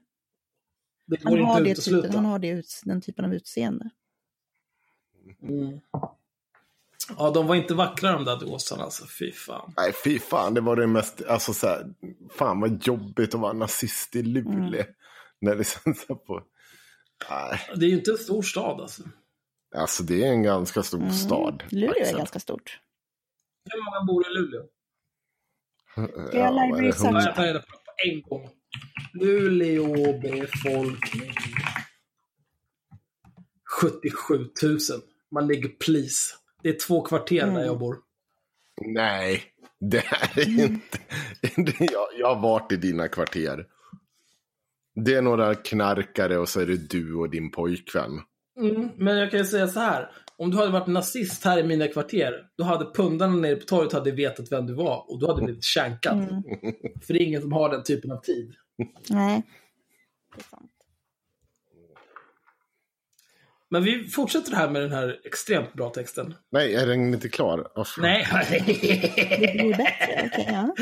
Ja. Ja. inte bara det. Jimmy Durmaz blev igår en symbol för den katastrofala mångkultur som sliter sönder vårt land. Det är inte rättvist mot Durmaz. Det är dock, i all den osmaklighet jag ändå tycker uppvisades på vissa håll, förståeligt. Ja, jag förstår att du heilar för glatta livet. Jag förstår det. Jag, jag, jag tycker inte om det, men jag, jag förstår det. Jag förstår. Det är rimligt. Här kommer den bästa, den absolut det bästa stycket. Hundratusentals, ja kanske miljoner svenskar såg i ögonblicket när Durmaz sparkade ner en tysk i sitt inre bilder från skotthål i skyltfönster, gruppvåldtäkter Nej, det och brutala åldringsrån. det gjorde de inte. Nu här, det, här är Jo, någon, det gjorde de. det här är någon sorts konstig sexfantasi. Ja, ja, visst. De såg en person med invandrarbakgrund slå undan benen på en europé, såväl bildligt som bokstavligt. Äh, det är så jävla bra det här alltså. Jag, jag kanske måste börja dega för Svegot alltså. Det här, om man får den här typen av humortexter serverade dagligen. Herregud. Det finns inte ens någonting jag kan säga om det här, men det är så dumt. Nej men det är så jävla bra.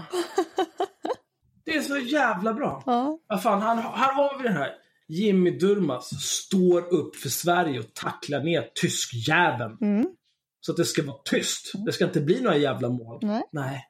Då får alla så här, alla fotbollssupportrar i Sverige, miljontals människor, de faller till marken, får olika för PTSD-flashbacks. Mm. Åh nej, jag såg en gång en trasig glasruta. Ah.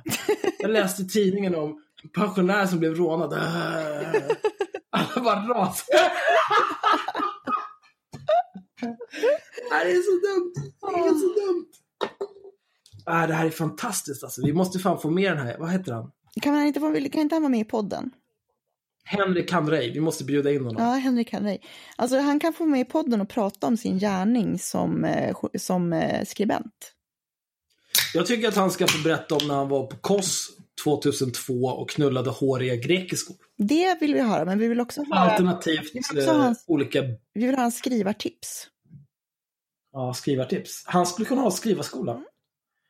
Men håriga grekiskor eller typ eh, brittiska tjejer med helt fucked tänder. Mm.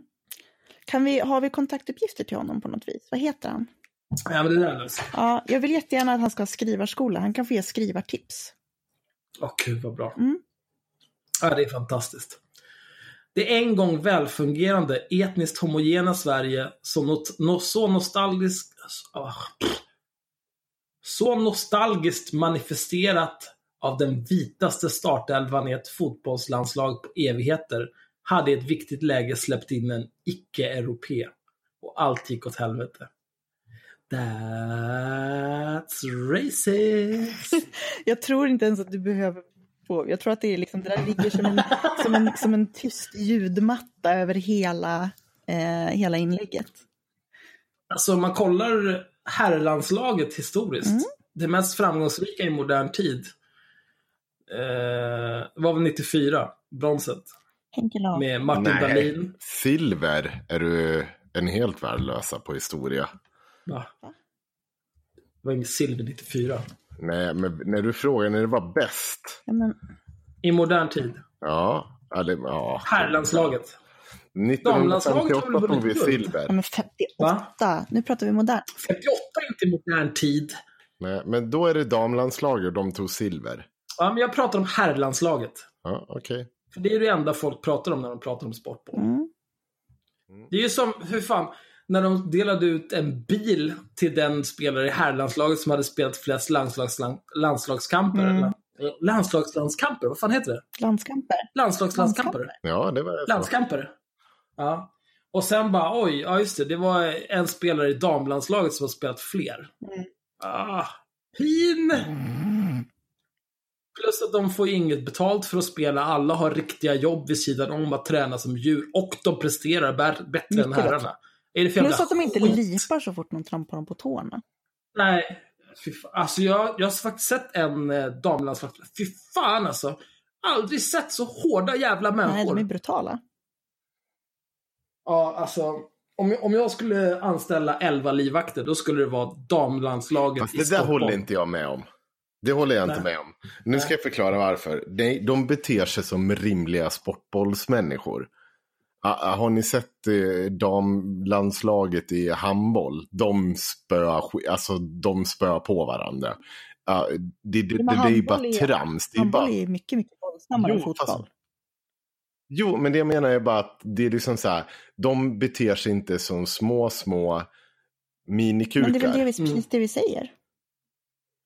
Nej, jag säger bara att de inte, man behöver inte ha dem som livvakter. Det är inte nödvändigtvis dem. Då hade jag hellre Nej, men anställt några Får andra man inom ta från dams... vilken typ av sportboll som helst, då hade jag väl hellre tagit typ folk som spelar hockey. Ja. Eller rugby. Mm. De har så mycket skydd ja, på men det är sig. bra om man är livvakt. Handboll är hårdare. Jo, men handboll. Vill, vill, handboll. vill Och ändå, att är elva Linnea- stycken och ändå Linnea är Claesson Linnea ska vakta Claesson ditt så liv? jävla gnällig. Jag förstår inte hur det går till. Oh. Jag, jag vill säga någonting om Linnea Claesson om vi inte blir Ja, men vi ska läsa klart den här texten, sen får du säga något om Okej. Linnea Claesson. Alltså, kära otacksamma lyssnare. Vi är nu på två timmar 15 minuter och vi är inte ens klara med den här livets jävla text på Svegot av Henrik Hamrei. Mm. Och sen ska vi dessutom prata om Linnea Claesson. Var är degen? Var är degen? Mm. Jag sitter här och borde gått och lagt mig för två timmar sedan, men jag stannar uppe för er skull. Mm. För er skull.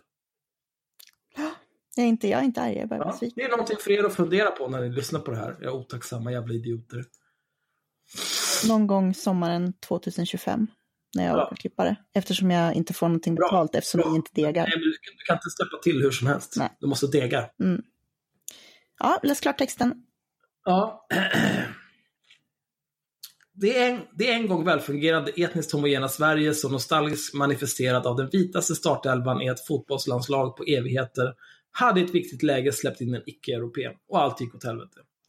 Symboliken blev helt enkelt för tydlig. Den djupa revan i den moderna svenska samhällsväven blottades och visades upp mer explicit än glitterbeströdda genitalier på en prideparad. Alltså, What?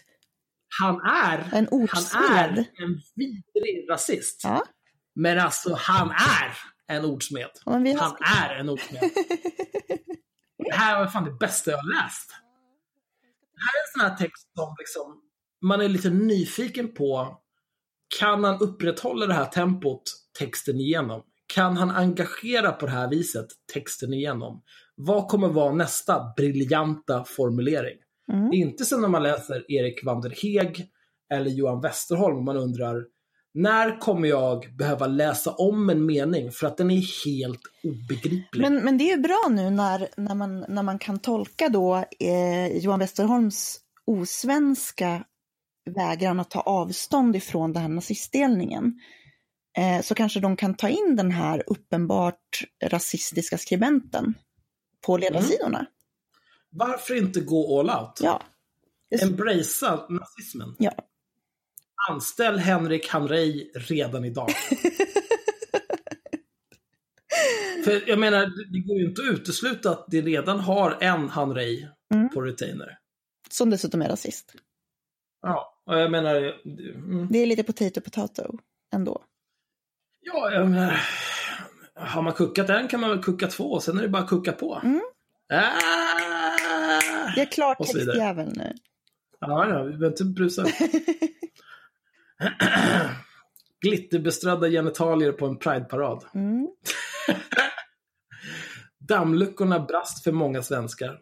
Vad som borde ha stannat vid hård kritik av Durmas insats och en nyanserad men bitande kritik av mångkulturen baserat på den insatsen spårade på vissa håll ur i irrationellt och frustrerat gapande. Återigen, det är helt förståeligt. Sieg Heil. Många har fått nog av mångkultur och svenskhat.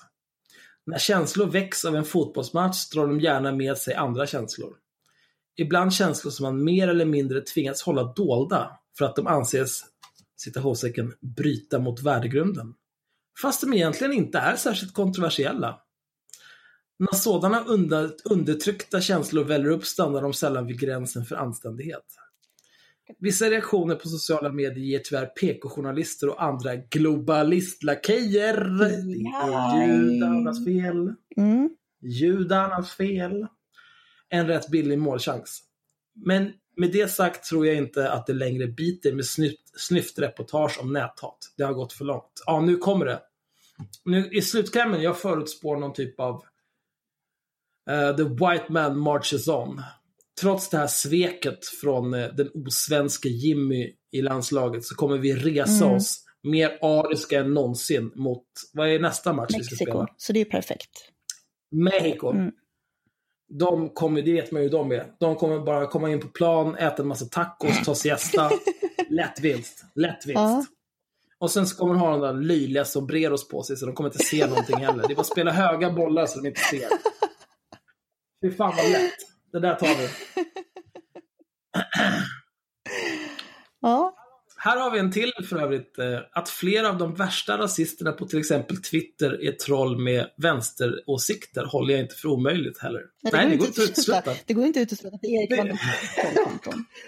Det är så kul det här liksom hur, hur verkligheten har gått från att vara någonting som så här. Ja, men jag ser det här. Jag kan verifiera att det är så här. Jag pratar med andra människor. De har samma bild av vad som har hänt och vi är överens om att det här är verkligheten. Mm.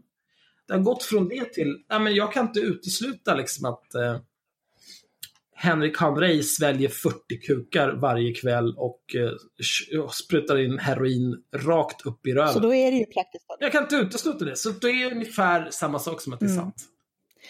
Det är så dumt. Det är superdumt. Det finns ju väldigt många saker Nåja. man inte kan utesluta som vi redan har konstaterat i det här avsnittet. Ja. Jag tror att nästa avsnitt, då kommer vi nog ägna oss en, en hel del åt att inte kunna utesluta saker. Ja, det kan vara ett temaavsnitt. Bara Mm. lista alla saker som vi inte kan utesluta. Ja, ja, vi kör. Även om inget har lika starka politiska undertoner som Durmas katastrofinsats ett valår när mångfalden håller på att polarisera samhället totalt, fanns annat som orsakade den snöpliga förlusten. Oj, ja det är klart. Till exempel, John Guidetti var i sitt inhopp nästan lika överladdad som Jimmy Durmaz. Hade han varit kylig i Sveriges sista anfall istället för att ge bort bollen till tyske målvakten Neuer kunde slutsekunderna ha sett helt annorlunda ut. Ja, hade han varit lite blekare så hade det gått bra alltihopa. Nej men alltså John Guidetti, han är ju otroligt arisk. Mhm. Men han är ju någon, någon typ av gipskatt. Annars hade han ju inte hetat Guidetti. Nej, nej, men precis. Hade han hetat Svensson så hade inte det varit ett problem. Ja, hade han varit kylig. Mm. Det är nämligen all den, den här kylan, återhållsamheten, självkontrollen. Det är någonting som, eh, som är eh, väldigt utmärkande för ariska män. Det är lite kul att han å ena sidan skriver att man kokar över av sina känslor och liksom att man kan inte kontrollera sina känslor för man är så arg på mångkulturen och så vidare och så vidare. Mycket bra poäng. Eh, det är inte så kyligt. Nej, det är inte så kyligt och det är inte så återhållsamt och, Nej. och svenskt skulle jag säga. Jag skulle säga att det är ganska osvenskt. Det är omanligt dessutom. Jag har för mig att det är ju kvinnor som ska vara hysteriska och känslostyrda. Ja, det är kvinnor som är känslodrivna och psykopater. Ja, nej, jag förstår ingenting. Men de, de tar det bara stoiskt på hakan. Och de är alltid pragmatiska och underbygger allt med fakta och de dras aldrig med av känslostormar. Mm. Nej, det där är någon typ av eh, fittigt eh, medelhavsbeteende. Mm. Ja, helt klart. Ja, jag säger nej. Jag säger nej. Yes. Janne Andersson. Hur mycket jag och andra än uppskattar honom var den som bytte in både Durmas och Guidetti. Det är hans uppgift att använda byten till lagets fördel. För att hålla 1-1 mot regerande värld... Va? Han är en kollaboratör. Jaha, ja du tänker så. Men han är ju köpt av globalisterna. För att hålla 1-1 mot regerande världsmästarna bör man vara försiktig med vad man gör. Janne gjorde ett standardbyte på högerkanten och verkade inte se Durmas för den överbelastade tryckkokare med fastsvetsat lock. Alltså han är... Han är fan on point alltså. Verkar inte se Durmas för den överbelastade tryckkokare med fastsvetsat lock. Alltså det är tre stycken enforcers där. Överbelastad, tryckkokare, det vet man ju hur tryckkokare är. De ja, bygger upp tryck och så vidare. Fastsvetsat lock. Alltså det är, Mhm. that's a recipe for disaster. Ja. Plus skägget. Eh, för den överbelastade tryckkokare med fastsvetsat lock kan visa sig vara efter bara några sekunder på planen. Där kan och bör en coach agera. Tränare, säger vi i Sverige. Inte med ännu ett byte, men med andra instruktioner och tydlighet. Fem minuters tilläggstid var ett skämt. Eller för den som vill vara lite konspiratorisk. Jag vill jättegärna vara lite konspiratorisk, Henrik. ja, vi kan väl börja. Varför, varför, varför inte börja? Ja. Det är inte som att vi har konspirerat förut. Nej, men nu, mm, en möjlig Fifa-order för att ge Tyskland fördel. Oh, det finns stora, mäktiga fotbollsländer som genererar mer pengar och intresse för VM än andra. Tyskland är, precis som i frågan om spelarkvalitet, i en annan liga än Sverige där. Ja, ja Absolut. Fifa å andra sidan, det får man ju ge honom. Fifa är ju inte en organisation som är känd för att bekämpa korruption. Nej, inte direkt va? Nej. Avslutningsvis kan jag känna djup sympati för Ola Toivonen. Hans vackra 1-0-mål förtjänade mer än en statistroll i dramat. Oj. ger den det? Ger det det då? Istället för att skriva en hel jävla... Skriv om det istället då, ditt mongo. Nej, men det är ju inte lika intressant. Men å andra sidan, liksom Toivonen, han är ju inte heller svensk, det hör man ju. Toivonen. han, eller han är ju från Östsverige. Gör Stor-Sverige igen. Hoppet om en sommar alla 1994 har inte dött. Det fick sig en rejäl törn men lever ändå. Mexiko måste besegras i sista matchen. Undrar om Jimmy Durmaz spelar. Det var en lite eh, svag avslutning. Mm. Men eh, i övrigt... Mexiko måste besegras kändes ju lite... Eh, det var ju lite det du var inne på. Ja. Jo, men vad fan. Tacos, tequila sombreros. Hur fan ska de kunna vinna? Ja, nej, det går inte.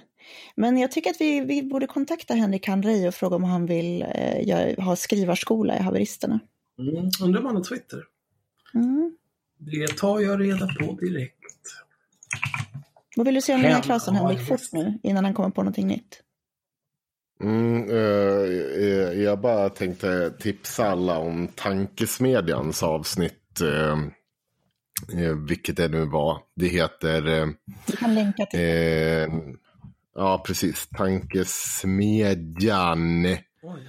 De hade ett jätteroligt avsnitt. Eh, och jag, jag, jag tänkte bara med på att ibland är... Jo, det heter VM i trakasserier. Mm.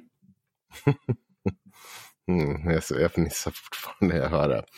Ibland blir det bara så att när journalister inte gör sitt jobb så får satiriker ta över. Och eh, ibland träffar satiriker bättre än vad journalister gör. Så att jag uppmanar verkligen alla att gå in och lyssna på VM i trakasserier eh, om Linnea Claesson i Tankesmedjan. Mm. Eh, jag tänker inte ta ansvar för någonting som sägs i det där jävla avsnittet. Men det är fruktansvärt roligt. Men ja, det är fruktansvärt roligt och jag rekommenderar verkligen alla att lyssna på det. Det är en satiriker som gjort sin research. Till skillnad från många journalister. Mm. Och um, även om det failar på några punkter så är de absolut inte på något sätt vitala. Utan det är väl de betydande delarna finns kvar där. Säger ingenting mer om det. Jag har tittat lite här nu på eh, Henrik Hamreis Twitterkonto. Han retweetar en hel del från Alternativ för Sverige. Mm. Eh, från Darko Sarncevic som är Det här ett jävla eh, påverkanskontot. trollkonto. Säkert. Ja, han som har bott Mm. överallt men Ja. ingenstans. Och, Vars profilbild är stulen från en eh, australiensisk reklam och så vidare och så vidare. Det är helt sjukt att han fortfarande använder det där efter att ha blivit outad. Egentligen. Men han bryr sig inte. Han blockar ju bara alla som säger något. Mm. Ja, Christian Heidegger såklart. Ja, såklart. Eh, vad har vi mer? Jeff Ahl har vi här. Han är den största jävla tönten i hela jävla AFS. Ja. Vilken liten jävla kack han är. Alltså sådär, den där, han, han, han har seta och liksom slicka pung på Jimmy Åkesson nu i x antal år. I samma sekund som han får sticka där, eh, som han inte får en ny riksdagsplats. Så sitter han och grinar och springer till första bästa parti och berättar om hur han blir tystad och han vill göra mer. Din lilla jävla sopa, du har suttit i fyra år i riksdagen och svikit alla dina jävla ideal och så ska du... Alltså så här, om jag vore Sverigevän, om, om jag, liksom så här, Henrik, fast inte som, som Sverigevän, då hade jag ju blivit tokig. Vad är du för jävla liten lugnande Han är en liten slampa oj. som bara slänger det efter pengarna? Han är, han är en jävla kappvändare. Ja, men Han alltså, kommer ju backstabba, han kommer ju backstabba AFS också sekunden som har fått ett bättre erbjudande. Det är ganska uppenbart. Så jävla feg jävel. Mm. Så, och så, så sitter han och delar, alltså, så kan ni inte så bara, "Uh, oj här, kolla Sverige, det, det är åt helvete. Dela tyska bilder, Mm. ditt jävla mähä. Kan du, gör lite, jag såg den där bilden och tänkte bara, vänta det där ser inte särskilt svenskt ut. Nej. Nej, nej, nej men jag, jag, jag kan. Alltså det här är, det- alltså, den men, men, behöver vänta nu, vi ska bara, innan vi liksom gör en för stor grej av det där. Det här är någon som inte fick sitta kvar på riksdagsplats åt Sverigedemokraterna. Vad säger det dig om hans kognitiva förmåga? Men det är väl... Eh, hur många har fått foten från riksdagen? Det är väl inte många? Det är ganska många nu. Nu, ja, Alltså. de har ju, de har ju städat det är ganska många. De städade ju bort de värsta nassarna nu. eh, För att kunna... Ja. Om vi, om vi tar bara de som inte har liksom fått sparken under den här perioden så är de väl en, liksom, för, till att börja med Anna Hagvall, eh, Hanna Wig, eh, Kem, ja, Kem Tekeroth. Eh, han fick ju vissa, han har ju fått vara Nej. kvar. Men, Eh, alltså de är ganska Anna många. nu. Hagvall, det är väl Pavel eh, Gamov, ska vi inte glömma. ungerska haggan som tyckte att eh, kvinnor som blir misshandlade i nära relationer ska se till sitt eget ansvar för situationen. Och Hanna Wig för att hon anklagade Linus Bylund för sexuella trakasserier och Ja, våldtäkt tror jag till och med. våldtäkt. Ja. Eh, nej men och sen har vi ju Åkessons svärmor. Ja, så hon som sköt sig i frisersalong istället. Ja. Så jävla regeringsdugliga. Och sen har vi, men Pavel Gamov har vi ju. Eh, som, som åkte till Ryssland och, och svinade. Och sen så har vi, Sen har vi han som eh, hade råkat låna lite pengar av SD. Kinnunen ja, sen har vi Erik, Erik Almqvist. Nej, inte Kinnunen. Nej, Erik Almqvist har vi. Ja, fast det är förra mandatperioden. Ja. Det här är Den här här, Anders heter han, Anders någonting Forsberg. Eh, han fick ju vara kvar som konsult, Ja, eh, men han fick inte sitta kvar i riksdagen. Eh, sen har vi, vad är det mer?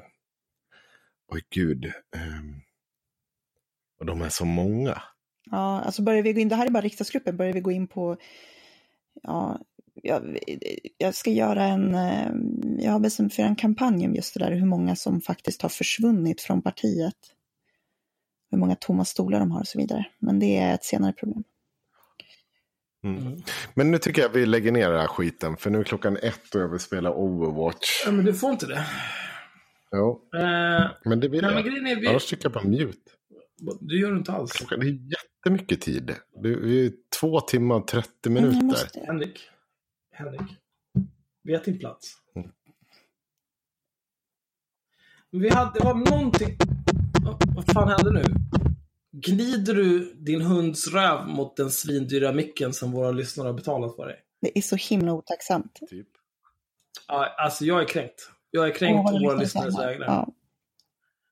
Eh, men det var ju någonting till vi hade. Nej, Nej, vi jag har måste- verkligen inte jag det. måste Och vi jag behöver pizza, jag måste verkligen inte dricka det. någonting. Jag håller på, min tunga håller på typ att fastna i gommen. Oj, vad... Jag vill verkligen inte prata med mer. Oj. Men vadå? Vill du inte prata med mig när vi ska spela Overwatch? Jo, det vill Ja, jag. det men, men det är en annan femma. Det är en annan femma. jag förutsätter att du tänker spela Overwatch med mig nu. Ja, det är, alltså problemet med söndagar, jag kan inte gå och lägga mig före tre på söndagar för att jag är så jävla hype efter att det har varit helg. Och så har du fått Man podda är så jävla arg på världen liksom. Mm. Ja, och nu har jag ju dessutom druckit ett par bärs, så nu kommer jag vara hype hela natten. Då kanske jag kommer, när jag dör i Overwatch så kommer jag tabba över Twitter så kommer jag se någonting efterblivet som Aron Flam har skrivit. Och sen så går jag inte och lägger mig förrän fem för att jag är tvungen att säga åt honom att han ska hålla käften. Och det går liksom inte att vinna mot honom genom att bara trötta ut honom. För att, ja. Det går inte att utesluta att han är helt jävla koksad out of his fucking mind. Nej. Och aldrig sover. Nej. Jag dömer ingen. Jag tycker att det är okej. Ja, men det är väl bra Mm. att, du har någon, att du har någon som kan hålla ditt tempo liksom. Mm. Ja. Det kör bara Baywatch theme song på det. Men om vi... Oj, slår du med en tom petflaska på bordet nu i Men har ni aldrig hört det här? Det, det här är riksdagen. Då, då klubbar de några gånger så säger man att nu har du slut på talartid. Ja. Men det här är inte riksdagen. Nej, men eh, jag vill spela Ja, Overwatch Okej, nu. men då avslutar jag nu. Nu har vi eh, nästan exakt två timmar och 35 minuter högkvalitativ podd. Mm. Mm. Eh, bra. Fint, kul. Jag vill återigen reiterera att eh, om man lyssnar på den här podden så borde man följa oss på Facebook så att man kan dela det vi delar. Ja, faktiskt. Det här det hjälper ju oss att nå Man borde också- världsherravälde och få eh, göra massa konstiga saker. Ja. Ni borde också följa Myra på Twitter, Myrandosaurus. Mm. Och Henrik, eh, Mr MR Henko 123. Eh, följ inte mig. Nej. Det är ingen idé. Eh, Senpai will never notice you. eh, och framförallt det viktigaste. Skicka Paypal, skicka bitcoins, skicka litecoins. Swisha mig. Skicka ether. S- Nej, inte swisha. Det där, det där kommer ju inte oss till glädje. Du stoppar ju bara pengarna upp i röven. Ja, det hjälper mig att klippa när jag får en swish ibland. Ja, ja det är sant. Det är sant. Eh, Ståka reda på Myras adress. Eller telefonnummer. Jag lämnar ju aldrig ut mitt nummer, Och- så det är inte så konstigt att jag inte får så mycket swish. Nej, men du får, eh, du får ett särskilt nummer bara för Swish. Vi kan skaffa ett Swish-nummer till Det podden i och för sig. Eh, knutet till mitt bankkonto givetvis. Jag vet inte vad ni trodde. Mm. Eh, för övrigt, eh, mm, Pippa, som jag trodde var bra, de är eh, egentligen fittor. Har det visat sig. De har ändrat alla sina payment plans. Så att den som vi har, som var typ eh, Pro förut, den är Growth nu. Om man behöver en influencer eller Pro-plan för att få vara med på Spotify. Men för att vara med på Spotify så behöver man också intyga att man inte använder copyrightad musik. Så jag tänker att vi skiter i Spotify. Har vi några nysslar från Spotify? Spelar det här vi, roll har, för vi oss? finns ju inte på Spotify. Vi har inga som helst lyssnare på Spotify för vi finns inte på Spotify. Men om vi fanns på Spotify skulle vi eventuellt kunna få lite fler lyssnare. Och jag vet inte, folk kanske gillar att lyssna på pods via po- Spotify. Jag har ingen aning för jag lyssnar på, jag lyssnar pods. på poddar via Spotify nästan enbart. Men, eh, men det vore ju bra. Men alltså, då måste vi få någon att göra en jingle åt oss. För de kommer inte göra någon jingle åt oss. De vill bara ha våra pengar. Nej, men de, vi måste Då- få någon att göra en jingle åt oss. Okej, men kära lyssnare. Någon av er som är lite eh, audiobegåvad kan väl göra en trevlig... Gör ett intro och gör en jingle. Nej, gör, gör ett intro så vi kan spela i början av avsnittet och gör ett outro så vi kan spela i slutet av avsnittet och gör någon typ av mellanspelsmusik som vi kan köra mellan ämnena. Mm. Tre olika ljud på samma tema. Fixar ni det så Den som- finns ju på Spotify sen. Så ja, då finns vi på Spotify. Och eh, den som fixar det och blir utvald att vara en del av vår besättning får givetvis en gratisbiljett till Haveristerna Live. Som kommer att vara någon gång i Stockholm när vi har 100 patrons. Och för er övriga, bli patrons för att annars blir det inget jävla Haveristerna Live. Då kan ni dra åt helvete. Mm. Ja, Bra. bra. 2.39. Bränner han nu. För idag, Bränn. Mysigt. kör.